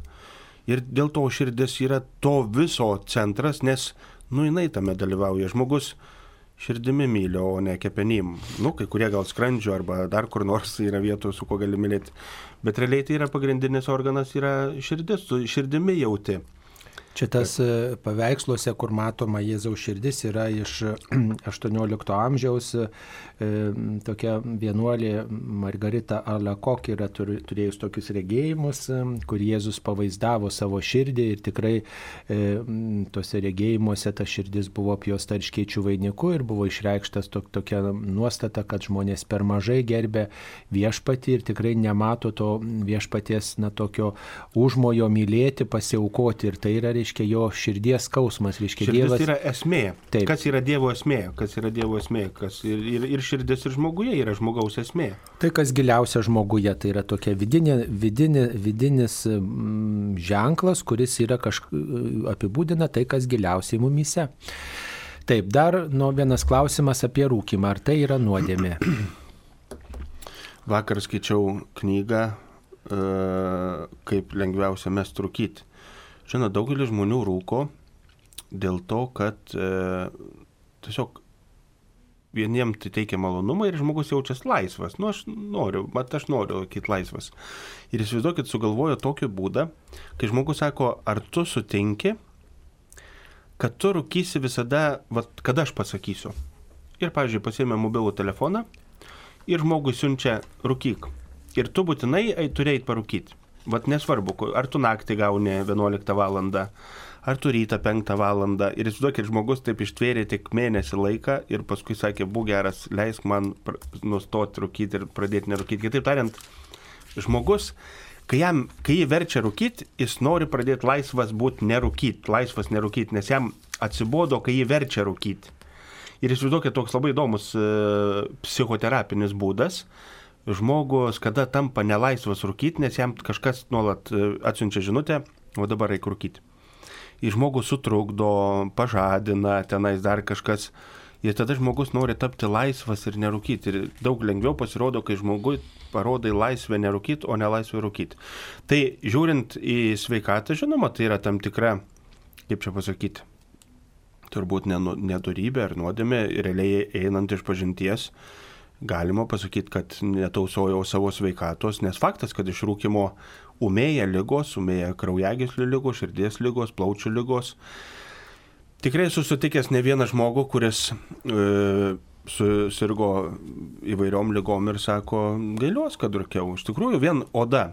Moterų balsas pirmiausia su, subliūkšta ir nebelieka moterų balso, o vyrai atsparesni, bet jau visą gyvenimą, kai prarūkė vyrai, tai jau oi, ten, kaip sakant, jau negali pretenduoti kokį nors inteligentą, žinai, su pajodavusio. Ir iš karto matosi, pažiūrėjau, jeigu oda ta tokia, nu tiesiog, nadegulys. Nu tai vad, žmogus nori būti nadegulys, tai palinė per dieną, o, nu tai viskas tuos eina. Žmogus ką jis išmaino, jam tas pats, jis gali rūkyti, smirdėti, pažiūrėjau, nu, įsivaizduokit, jeigu vien paim pagarbą artimui.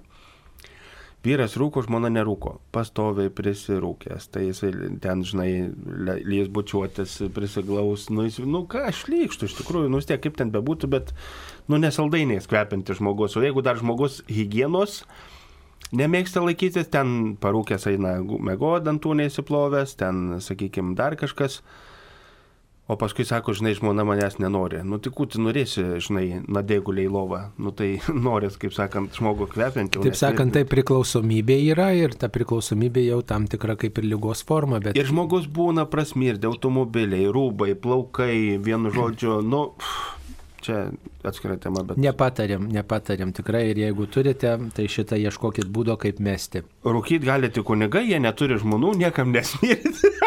ne, ne, aš taip nejuokaukit. Ir kunigam patartina nerūkyti, nes, šitą, nes ir jie yra silpni ir kartais Žinot, pasiduoda. Pati blogiausia kunigų savybė, jeigu rūko, tai jeigu naina į klausyklą e, nu, ir jaučiasi, kad rūkė. Oi, tada kaip šlykštų iš tikrųjų pats likščiausias dalykas, kai nerūkantis žmogus, vaikas, vyras, moteris ateina iš pažinties ir užuodžia kuniga rūkiusi, tai manau, kad tikrai yra nu, nemalonus reikalas, nes iš tikrųjų tas pokalbis vyksta gana arti vienas kito, tai nemalonu. Taip. Patarėm nerūkyti, rekomenduoja mesti. Taip. Ar reikia šventinti naują paminklą ar atminimo lentą kapinėse? Nu, visada, ar žmonės remontus pasidarė namuose, ar naujus pasistato, pasikviečia kunigą pašventinti, lygiai taip pačiai ir su paminklais. Būna, kad pakviečia žmonės, pataiso visą kitą, sako, kunigė atvažiuokite, tiesiog tokia tradicija. Nu, to paminklas nepasidaro nei gražesnis, nei takingesnis, nei kažkaip, e, žinot, nesustiprėja nei ten e, Wi-Fi ryšys su dangum, kaip sakant, kai tu jį pašventini, bet tiesiog tai yra veiksmas, kuris mus, mums patiems reikalingas. Ne, ne paminklui, ne mirusiam, bet mes tame dalyvaujam.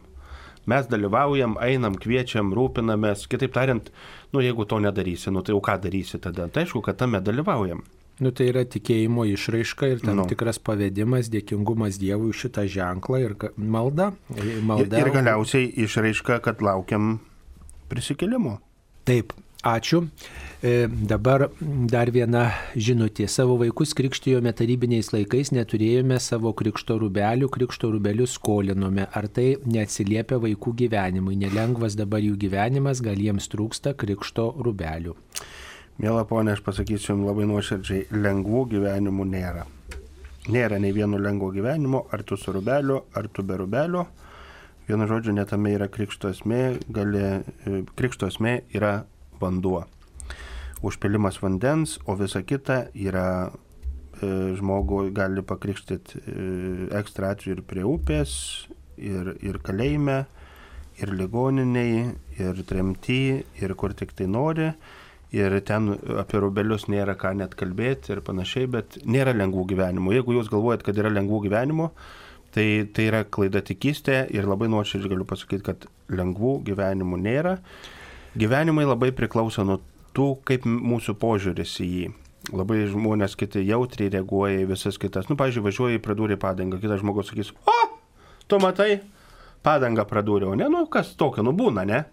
O kitas, vajai, vajai, vajai, vajai, padangą pradūriau, dieve, dieve, vajai, vajai. Nu, ta prasme, va tas požiūris, kaip tu į ką žiūri. Nu, jeigu kažkas atsitinka, nu, taip yra toks gyvenimas. Nu, nėra taip, kad viskas būtų tik gerai. Būna gerų dienų, būna blogų dienų, būna sunkių, būna netekčių, būna gimimų, būna mirimų. Būna nukrenta, būna užkrenta, būna nekrenta. Nu, taip yra toks gyvenimas. Tiesiog taip yra. Ir jeigu žmogus tai komplikuotai pradeda žiūrėti gyvenimą, jis ir pasidaro komplikuotas. Jeigu žmogus žiūri viltingai gyvenimą, jis yra viltingas. Matot, jeigu mes taip mąstysim, kad rubeliai buvo skolinti, tai čia dėl to nesiseka, tai čia bus truputėlį prietaras. Reiškia, yra kaip tik tai tokia tradicija, kad žinau tokių giminių, kurie, tokių, tokių žmonių, kurie reiškia iš savo giminės e, skolino tokius rūbus ir tai, tai iš kartos einantis tas krikšto rūbas.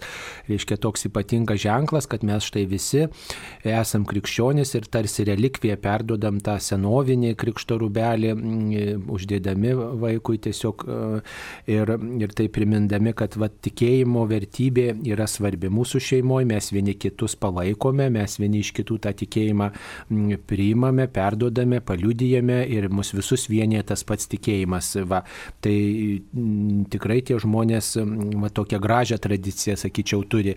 Bet mm, tą, dėl to nelengvo gyvenimo reikėtų, na, žinot, truputėlį daugiau įsileisti tikėjimo, įsileisti vilties, įsileisti pastangų kažką keisti savo gyvenimo kelionė. Ir Požiūrį, visų pirmiausia, tai požiūrį. Galbūt prieiti iš pažinties, galbūt pakeisti savo pasirinkimus, daryti tam tikras išvadas ir nagrinėti, kodėl man nesiseka, gal aš kažką netaip darau, galbūt e, net, ta, net tie prioritetai, pasikalbėti su, su kunigu, su dvasios tėvu, švesti sakramentus, melstis, jūs daugiau gal melskite už savo vaikus ir, ir prašykite jiems atsivertimo, grįžimo prie Dievo, kad ne tik tai per didžiasią šventęs eitų bažnyčion, bet nu, labiau remtųsi Dievu ir tada, žinot, kai remiesi Dievu, tada visi tie sunkumai jie yra labiau įprasminami. kunigas Sauliau, kaip sakot, nesiseka. Nu, Bet vėl, kas vienam atrodo e, nesėkmė, kitam kaip tik yra sėkmės pradžia. Nu, žmogus taip masto, kad jam nu tai tai va, čia reikia nuo mąstymo pradėti, o ne tai, kad pradėtų sektis. Kaip tik laimė mus padaro egoistais. Vaskaičiau knygą ir ten labai parašyta, kad laimė mus padaro egoistais. Kai vienu žodžiu, kuo tu laimingesnis, tuo tu dar labiau nori laimės. Ir tai žmogų įstumia į egoizmą. Taip, mums paskambino. Gražina iš Vilnius. Taip, gražina, klauskite.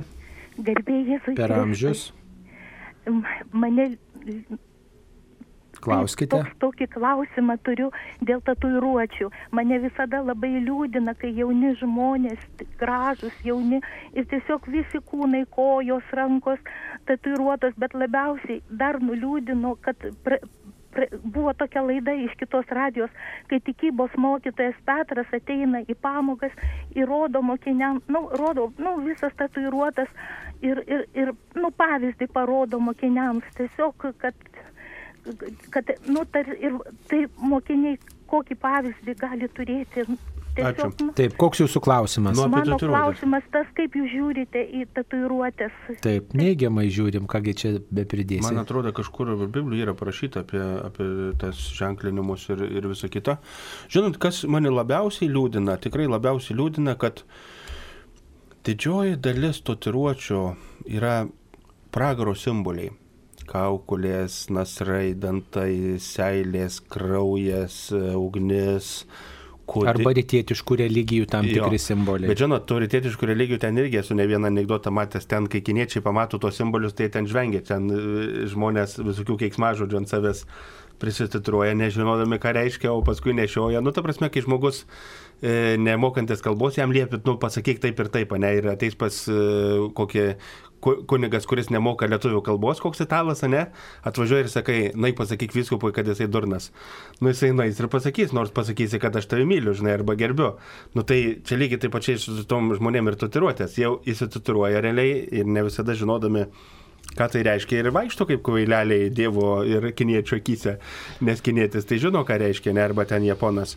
Iš tikrųjų tai yra didelė, didelė kvailystė. Aš nežinau, kaip bažnyčia žiūrėtų, pažiūrėjau, jeigu žmogus iš tikrųjų iš tikėjimo paskatų kur nors įsitituruotų, pavyzdžiui, gražią Jėzaus, mm, sakykime, ar, ar prisikelimo sceną, ar, sakykime, ten dar kažkas, nu, jeigu tai man išreiškia, arba kitaip tariant, aš noriu įsitituruoti ir jeigu gyvenime kada būtų suimtas, ne, kad aš va visų kūnų išreikščiau, kad aš negalėčiau užsižadėti, nes tai yra ant manęs iš tiesiog išpiešta. Aš nežinau, aš tiesiog džiazuoju. Ne taip, tai koptai turėjo tą tokį paprotį ir dabar kryželį. Turi, ir dabar turi kryželį ant riešo įsitatuiruoja. Tai va, bet iš tikrųjų tai, tai, ką daro jaunimas, ten visokie ornamentai ir visa kita, ir sakau, liūdniausia yra tai, kad tai yra pragaro simboliai. Pragaro simboliai, kraujas, kaukulės, kančios, baisumai ir Ir kodėl žmonės tą daro? Lygiai tą patį žmonės daro per Heloviną. Ant savęs e, vaizduoja. Nu, gražu yra, gražu, madinga. Vaizduoja pragaro e, personažus, velnę, ten, žinot, kraują, kančią. Va čia yra žmogaus nupolimo atsakymas. Žmogus yra nupolięs ir jį traukia blogis. Žmogus e, nori blogio, jisai gėrėsi blogio, jisai nori, va čia yra atsakymas, ar žmogus yra nupolięs. Taip, žmogus yra nupolięs, žmogus yra nusidėjęs nuo Dievo, prapuolęs nuo Dievo, bet nusidėjęs. Ir ant savęs deda tuos, e, kaip sakant, čia tą vėl anegdotą prisiminiau, kur vaikas klausė mamos, iš kur mes atsiradom. Nu tai mama sako, mus Dievas sukūrė. Nu, o sakė tėti, sakė, kad mes iš beždžionio. Tai mama sako, tai tėvelis tau pasakoja apie savo giminės, o aš apie savo giminės. Tai vienu žodžiu, jeigu tėvelio, tai vienu žodžiu kiekvienas pasakoja apie savo giminės. Tai čia lygiai tas pats, jeigu vienų giminės yra iš pragaro, nu, tai ir simbolizuoja uh, iš pragaro, o kano giminės iš dangaus. Tai ir... Matot, žmogus sukurtas pagal Dievo paveikslą ir panašumą jo. ir mes negalim to atvaizdo bjauroti. Mes esam Dievo atvaizdas ir mes pieždami kažkokius ženklus ženklus, kurie ypatingai priešiški yra Dievui, priešiški krikščioniškam tikėjimui, nes Kristus yra Dievo sunus, Dievas prisertinės labiausiai prie žmogaus, mes e, atmetam visą tai, kas Dievui, kas Kristui yra priešiška nu, ir nesirenkam to, o jeigu kitaip, pieždami priešingus ženklus mes nu, nusigrėžiam. Jeigu žmona įsititruotų kaimyno atvaizdą, nesakykime ant savo kūno, arba vyras kaiminės atvaizdą, nu kokia būtų reakcija, tiesiog žeminanti.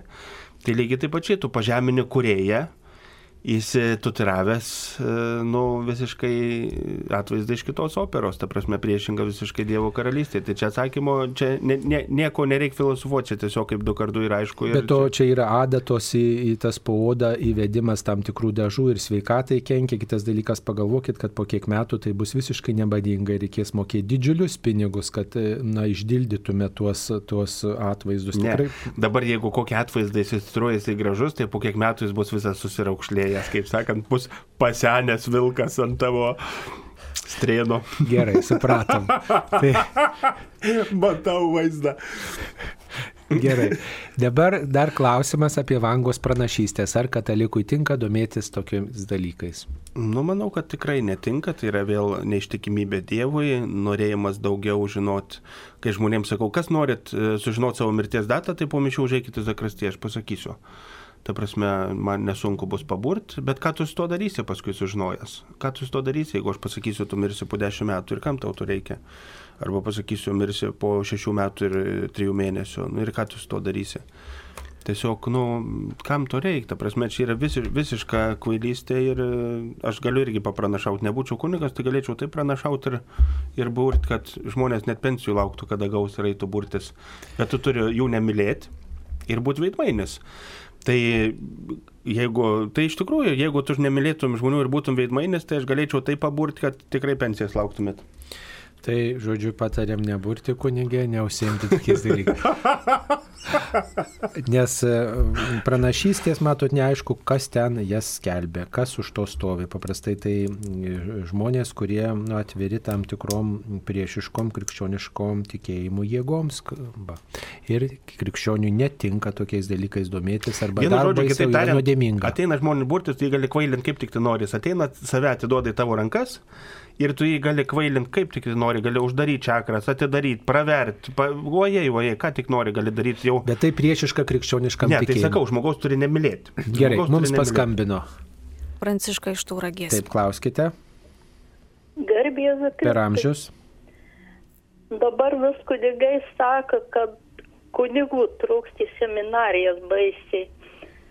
O Kristus eidavo pas nusidėlius, tai aš dabar galvoju, o jeigu iš kalėjimų, kiek norėtų, kiek norėtų būti kunigais, tenai praėjo visus išbandymus. O dabar iš gerų šeimų, iš gerų, tai jau, jau nežinau. Iš gerų sakot ir taip geri, ne? Tai jūs siūlote, koks jūsų Ir klausimas? jie nenori. Kad į kalėjimus eitų kunigas ar kaip? Ne, ne, ne, ne. Ne, Klausimas iš, yra iš tas, kad... kalėjimų, kad paskelbtų, kas norėtų kunigais. Mokytis į kunigus, aš galvoju, Nu, taip, visi supratom, norėtų. supratom, visi norėtų, visi tai tikrai nenorėtų, nes matot, norint, norint tapti kunigu reikia pirmiausia turėti krikščionišką tikėjimą, būti, reiškia, krikščioniškų tikėjimų ir negali tik tai va šiandien įtikėjau ir rytoj einu į seminariją. Tai čia matot viskas sudėtingiau. Taip, labai gražu, kad Kristus kalbėjo nusidėlėms ir dabar kunigai kalba nusidėlėms ir tiem pat kaliniams kalba ir ten yra kapelionai, kurie lankosi. Nėra taip, kad e, tie kalėjimai uždaryti. Didėjai kalėjimai tikrai turi mm, e, paskirtus kapelionus, kurie siks nuo sykio lankosi ir kalbasi su jais ir net tie nuteistieji iki gyvos galvos taip pat turi galimybę susitikti su kunigu ir ten taip pat ir vyksta ir krikšto apėgos ir atgailos sakramentas švenčiamas. Nėra taip, kad nekalbama jiems, o Dievas dalina pašaukimus taip, kaip jam nori. Šiaip kažkas... tai tikrai, aš manau, kad pasaulyje yra ne vienas kunigas, kuris prieš tai yra sėdėjęs kalėjime. E, Kalėjime atsivertęs ir stojęs ten į seminariją visą kitą, jeigu teistumas ten už kokią žmogžudystę ir panašiai. Tai tikrai manau, kad pasaulyje tikrai yra ne vienas išėjęs iš kalėjimo įstojęs seminariją ir tapęs tikrai gerų kunigų. Bet kitaip tariant, aš manau, kad ir dabar, jeigu jie nėra ypatingai sunkių nusikaltimų padarę, jie turi galimybę, jeigu atitinka, yra krikštyti, turi tikėjimą, nevedę. Ir dabar jie turi galimybę stoti seminariją, niekas jiem nėra uždraudę, bet kalėjimo seminarium nepaversi. Dabar kalėjimas kaip yra, sakysiu, dėmesio, dabar čia bus seminarija, kai sakant. Taip, tai Kauno kunigų seminarijos filialas Proviniškise. Tai iš tikrųjų žmonės sakytų, ką jūs darote, prasme, ar jau pa- pa- pablūdot arba dar kažkas. Žinot, visų pirmiausia, čia formuojant kunigus, vat, naudodamasis progą, kol neturim skambučio, Vat tas yra klaidingas suvokimas, kas nori tapti kunigais. Tapti kunigais. Kunigo reikia netapti kunigo. Pašaukimas čia. E, Dievo dovana. Bet vieną dar. Bet va štai diskutuodami mes, mes su kunigu Gintaru, štai labai gražią mintį jisai pasakė, kunigu turi netapti, o visų pirmiausia turėtų kelti klausimą vadovybė, viskupai, rektoriai seminarijų, kai rašo skelbimą, ne kas nori tapti, tapti tai čia bet kas gali, bet kas norit paukoti savo gyvenimą Dievui. Ir siekėmybė kunigystės yra netapti kunigu, tapti gali, va, tai ta, gali, gali tapti, žinot, nei, ta prasme, koks žmogus, e, net ir netikintis, gali mo- mokytis ir tapti kunigu. Bet kalba eina ne apie tapimą, o kalba eina apie tai, kas norit paukoti savo gyvenimo Dievui. Ir iš to kyla kunigo nesantokinis gyvenimas, kad jeigu tu paukoji savo gyvenimo Dievui, tu daugiau neturi laiko niekam. Nu įsivaizduokit, vad, pažiūrėjau, žmonės tuokdamasi paukoja savo gyvenimą santokai. Ir tada jo klaustum, o tu turėtum laiko e, dar vienai santokai, vad, pavyzdžiui, ne? Nu ne, sakytų, aš jau vieną santoką turiu, aš kitai neturiu laiko, ta prasme, aš, aš šitai paukojau savo gyvenimą.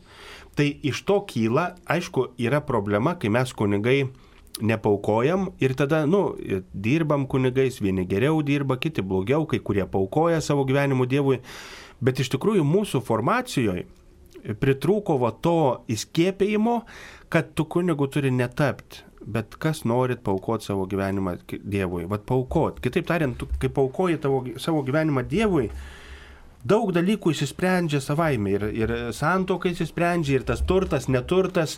Bet mes tiesiog tapom kunigais, ne? O man tapus kunigu, kas neleidžia man nusipirkti kokią nors mašiną, ne? Taigi aš tapau kunigu, ta prasme, aš tapau kunigu, aš tapęs kunigu ten e, padariau, kas reikalinga, bet jeigu aš nepaukoju savo gyvenimo Dievui, aš nieko kitą, kaip sakant, aš nenuskriaudžiu nieko. Bet aš tuo tarpu ir pasilieku savo, ne? Bet kai tu paukoji savo gyvenimą Dievui, tada nu, viskas susidėlioja savo vietas ir misijos, ir, ir, ir visa kita, ir kiti kraštai. Labai sunku daug dalykų gyvenime padaryti, jeigu tu tampi kunigu. O jeigu tu tapai kunigu ir tada daug problemų. Kaip tas, tas, anas, čia žmonės, bet jeigu tu savo gyvenimą būtum e, kviestas ir paruoštas pauko Dievui, tai tiesiog įsisprendžia absoliučiai visas. Ir tokia yra kunigystės esmė. Problema šiandieną yra, kad kunigai kartais, nu, nesam iki galo, nu, aš tai galiu sąžininkai pasakyti, taip, mus paruošė būti kunigais, mes tapom kunigais, bet kad kas nori paukoti savo gyvenimą Dievui, tikrai čia žodžių prasme dėl to ir stoji seminariją ir dėl to tampi kunigu, kad nori paukoti, tai aš tą sužinojau tik būdams 42 metų vienu žodžiu, kad va, ta tokia labai teisingai suformuoluota esmė, kai tu bažnyčiui skelbi, kas norit jaunuoliai, kas norit savo gyvenimą paukoti Dievui kad jis nenaitų, žinai, ten gatviai, e, kalėjimui, proviniškiam arba dar kažkas. O dabar kas nori tapti kunigu, kas nori studijuoti seminarijai? Nu, pff, o kas, kas iš to? Ir įsivaizduok, jaunam žmogui kokią intrigą, juk jie tai yra herojai. Ir žinai, kas nori savo gyvenimą pauko Dievui, taip, fu, kažkas tokio, ne? O mus irgi, kas nori tapti kunigais, kas nori studijuoti seminarijai. Ir, ta prasme, taip, mes galim vieni geriau atlikti pareigas, kitai, bet iki galo mum neparuošė mus e, taip, kad mes būtume paruošti paukoti Dabar, savo gyvenimą. Dievui. dabartiniai dokumentai kviečia visą gyvenimą ruoštis kunigystė, Tai visą taip. gyvenimą formuoti. Tai gerai, kad sužinojau vėliau negu niekada, dabar reiks, kaip sakant, Persitvarkyti. Persitvarkyti. Gerai, tai sėkmės. Ar galima eiti komunijos, jei tuoj pat atlikti atgailos negali? E, Pavyzdžiui, perskaityti knygą. Taip, galima eiti komunijos, bet e, atgailos atlikimą reikėtų neatidėlioti il, labai ilgai, o kuo rūpestingiau ją atlikti. Aš labai mėgstu greičiau. ypatingai, kada būna atlaidai, už žmonėm už atgailą neužduot nieko, juos jam leidžiant suprast, kad e, išpažintis nėra dėl to, kad tu sukalbėsi maldą. Vienu žodžiu, aplamai, e, aš manau, kad atgaila užduodama melstis, nu, yra klaidingas reikalas. Nu, įsivaizduokit, žmogui, jeigu mes paimtume, kad e, malda tai yra pokalbis su Dievu, tai žmogui už atgailą užduodi pasikalbėti su Dievu. Nu, vienu žodžiu, tai baisu, kad tik už atgailą tą gali padaryti, ne? Ir man kažkaip, vat, mano viduje visada taip priešinas. Aš, pavyzdžiui, už atgailą žmonėm nu, turiu labai daug knygų, kurių supratau niekada gyvenime neperskaičiau ir neperskaitysiu. Už atgailą žmogus paklausė, ar sutinki, kad va, padovanoju knygą perskaityti. Kartais būna ir tokios turumo. Sako, sutinku, tai va, sakau, už atgailą perskaityti knygą. O, tai čia labai ilgai tokias storas Nu, skaitys. atgaila ir neturi trukti vieną dieną arba ten kelias, ne? Arba e, jaunimui labai dažnai užduodu atgailą savaitę be interneto. Vat atgaila savaitę be Ar interneto. ne per didelį? Nu, kaip sakant, pasitarėm prieš tai. E, Pasitarėm, pasidiskutuojam, ar sutinka, ar bandys ir įveiks. Arba, pažiūrėjau, atgaila yra, nu, kartais duodu artumo žurnalą perskaityti irgi už atgailą. O visada tas melstis, nu, už atgailą pasikalbėk su Dievu. O dar geriau būtų, jeigu už atgailą būtų, nu, pavyzdžiui, ir darbai, tiek, kad sakytum už atgailą, e, susirask. Arba sakytum, vat, už atgailą, žmogus, kuris pirmas prie tavęs kada nors prieis paprašyti pinigų, pasiūlyk jam kartu pavalgyti. Einam, į kavinę pavalgysim. Nesvarbu, jisai smirdi, kvepia. Ta prasme, atgaila yra išeiti iš savo komforto zonos. Turbūt man asmeniškai būtų atgailos, didžiausia atgailos, e, kaip čia pasakyti, levelis, lygis. Jeigu už atgailą sakytų e, kunigas, už atgailą eik elgetauti. Ir su elgetautus pinigus paukok vargšam. Nu tai turėsim omeny. Tai va, aš manyčiau, va tada darydamas nuodėmę, tu galvotum, ar iš tikrųjų tau verta, nes tu turėsi iš tikrųjų paskui priešingą rezultatų, jeigu nuodėmė tau teikia džiaugsmą, ne, tai tu turėsi priešingą rezultatą, turėsi didelį nemalonumą, didelį, didelį nemalonumą ir tada tu svertum. Už atkailą sukalbėk tėvę mūsų, sveika Marija, garbė Dievui tėvui ir Nu tai yra simbolinis ženklas, kad aš Tai va, atsiliepiu tai ką, Dievui. jeigu tai yra simbolinis ženklas, tai turim žinoti, ar tu atliksi atgailą, ar tu netliksi. E, Žiršimas, atleidimas vis tiek galioja. Bet iš tikėjimo visada turi kilti noras padaryti daug daugiau negu sukalbėti maldą. Ir, ir normaliai sąmoningas katalikas, prieš išpažinties ir jeigu kunigas sakytų, sukalbėk ten e, sveika Marija ir tėvė mūsų, ne, normalus katalikas sakytų, tėvė, čia reikėtų didesnės atgailos. Čia reikėtų Nu, ir kažką... pats gali šiek tiek dar pasimelsti ir pridėti kiekvienas katalikas. Jo, bet, bet ne tame esmė, ne maldoji. Maldoji yra esmė, kad tu turėti dirbti, kad tu Nu, turi... Tokį dėkingumą Dievui turi- užreikštų už turi atleidimą. priimtą. pridėtinę vertę, suprantat, kaip nuodėmė naikina e, šventą lobyną, taip iš nuodėmės turi kilti darybė, kuri kuria PVM, tą pridėtinę vertę, kaip sakant. Taip, labai. Bendrą vidaus produktą. Dangaus produktas. Taip, vat reikia visada, Taip, kad ačiū. būtų Dabar dar vienas klausimas. Vaikas pakrikštytas kunigo, kuris atsisakė tarnystė, kunigystės. Ar reikia pakartoti krikštą, kaip pasakyti vėliau vaikui, koks kunigas jį pakrikštijo? Nieko, taigi čia žinot, jeigu, jeigu skvernelis priėmė kokį nors su vyriausybė įstatymą ir po to jie jau neišrinko, tai įstatymas galioja ar negalioja. Nu tai kaip ir galioja, ne? Man atrodo, čia lygiai tas pats. Tai prasme, jis vis tiek bus kunigas per amžius ir, ir jisai metęs kunigystė, jisai gali krikštyti, jisai gali ir mišes aukoti, nu aišku, vis tiek, kaip čia pasakyti, neleistinai, bet galiojančiai. Ne, jam, nu, neleistina, kaip ir uždrausta, kaip ir, bet vis tiek tai bus e, galiojantis reikalas. Kitaip tariant, jeigu teisėjas, e, sakykime, susikompromitavo ir teisėją pašalino iš pareigų ir, ir kad ir gavo bausmės, tai keltume klausimą, ar prieš tai jo priimti nuosprendžiai galioja. Nu, tai aišku, kad galioja. Nėra taip, kad teisėjas iš, susikompromitavo ir tada visus paleidžiam iš kalėjimo, kuriuos jis yra nuteisęs. Tai ne, ne, viskas galioja, viskas yra, jis atliko savo pareigą, suoliai, išėjo, labai gaila, bet tai, kas buvo, viskas pasilieka labai nuoširdžiai galioti. O vaikui paaiškinu, tai vaikui taip ir pasakysite, kad dabar tas žmogus nebetėsi tarnystės dėl tokių priežasčių, subjektyvių. Jūs priežasčių. geriau rūpinkitės, kaip vaikui paaiškinti, Koni- ne, ne kaip kunigas, kaip paaiškinti, jūs paaiškinkit vaikui, kaip reiks paaiškinti, jeigu įsiskiria jo tėvai, jeigu įsiskiria jo brolis ar sesuo, va čia kaip paaiškinti. Žinot, kad žmonės va tiesiog Arba reikia toliau plėtoti vaiko krikščionišką gyvenimą, o, o, o tas ten, kad kažkas kitas čia- čia, jo gyvenime dalyvavo ir, ir kažkaip kitaip pasirinko, kad- tai čia kad- ne vaiko ir ne jūsų atsakomybė. Kad kunigas išėjo kaip paaiškinti, o kad žmonės skiriasi kas antras, jau kažkaip paaiškinimų niekam nereikia, jau čia savaime suprantama. Taip, apie komunijos dalinimą nuo rytojaus. Jei į burną, e, tai seilės, e, e, seilėmis bakterijos perdodamos nuo vieno žmogaus kitam.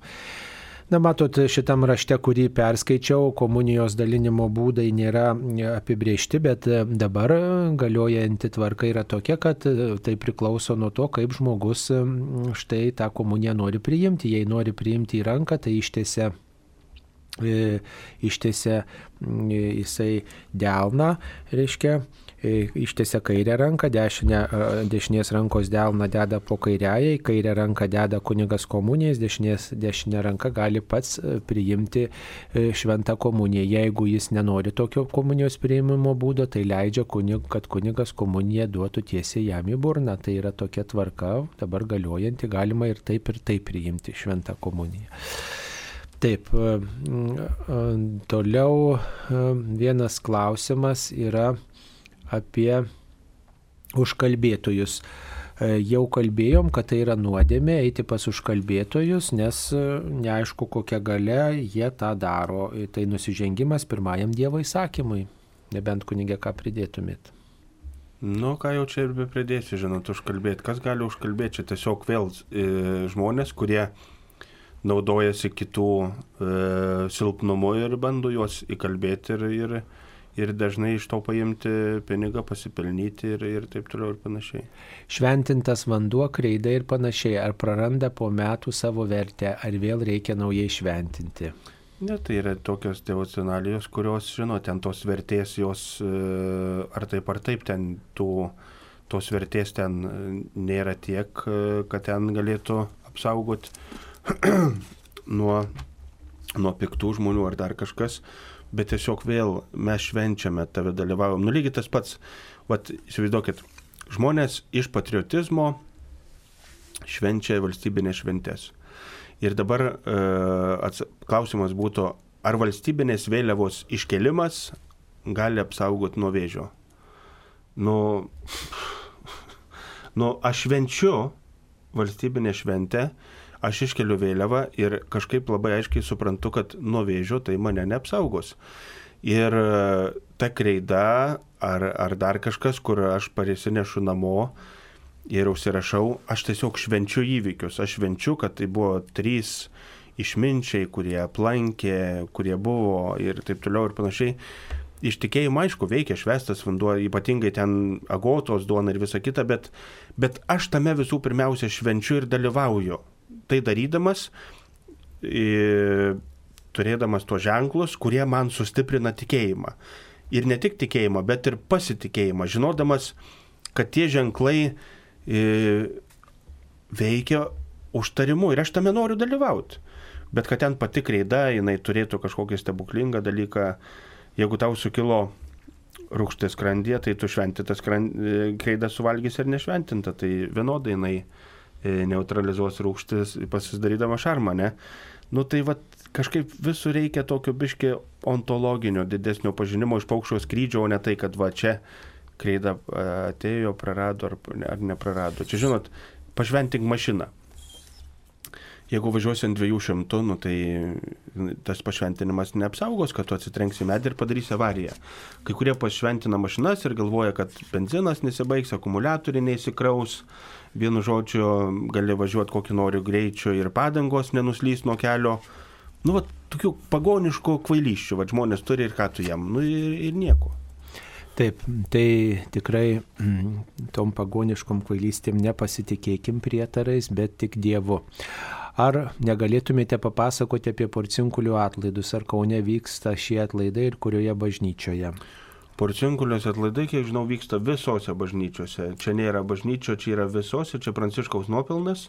Gal kunigai žinot, kurią dieną čia bus? E, tai yra rūpjūčio antrą dieną bažnyčiose švenčiami atlaidai reiškia Pranciškus Asižėtis gyvenęs 13 amžiuje, jisai e, norėjo suremontu, suremontavo mažąją bažnytėlę, kuri porcinkulė vadinama, tas žodis reiškia dalelė, visuotinės bažnyčios dalis. Ir žodžiu, taip troško, kad na, ta bažnyčia būtų lankoma ir, ir tiesiog joje būtų melžiamasi.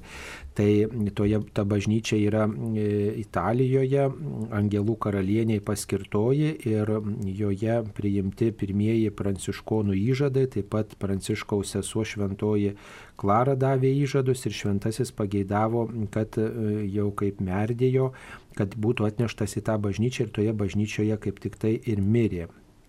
Ir, žodžiu, ilgainiui visos pasaulio bažnyčios šitą malonę e, apdovanotos buvo, reiškia, kad pabrėžiama kaip tik tai, kad kiekviena bažnyčia yra visuotinės bažnyčios dalis ir kad kiekvienoje bažnyčioje žmogus yra kviečiamas lankytis ir gauti tos atlaidus. Tai kitaip sakant, trokšti, dalyvauti tame savo nuodėmės pasiekmių naikinime. Ir iš bažnyčios lobino, iš bažnyčios šventųjų lobino galėtų semtis tą malonę, tokį atleidimą, nuskaistinimą.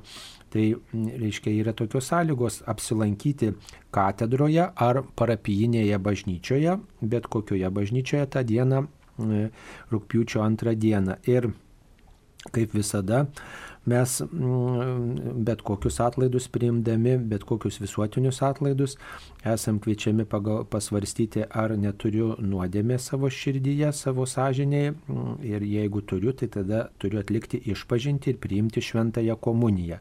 Ir taip pat sužadinti troškimą mm, vengti, kad ir mažos nuodėmės.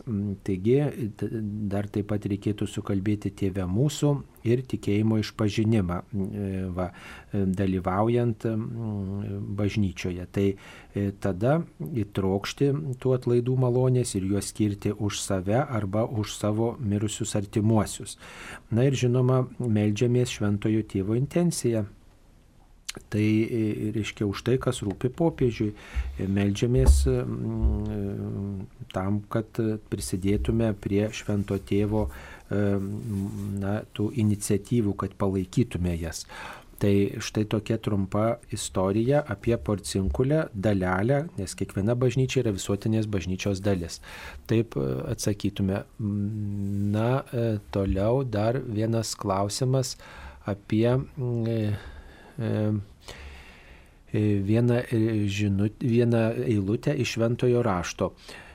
Per tokį pažinimą, kuris aprašytas pradžios knygoje 3 skyriaus 22 eilutėje, atsivėrė akį žmogui. Reiškia, ir ten to eilutė rašoma, žmogus tapo vienas iš mūsų, žinantis gerą ir piktą, kad tik jis kartais netiestų savo rankos, nepasiimtų ir nuo gyvybės medžio valgytų ir gyventų amžinai.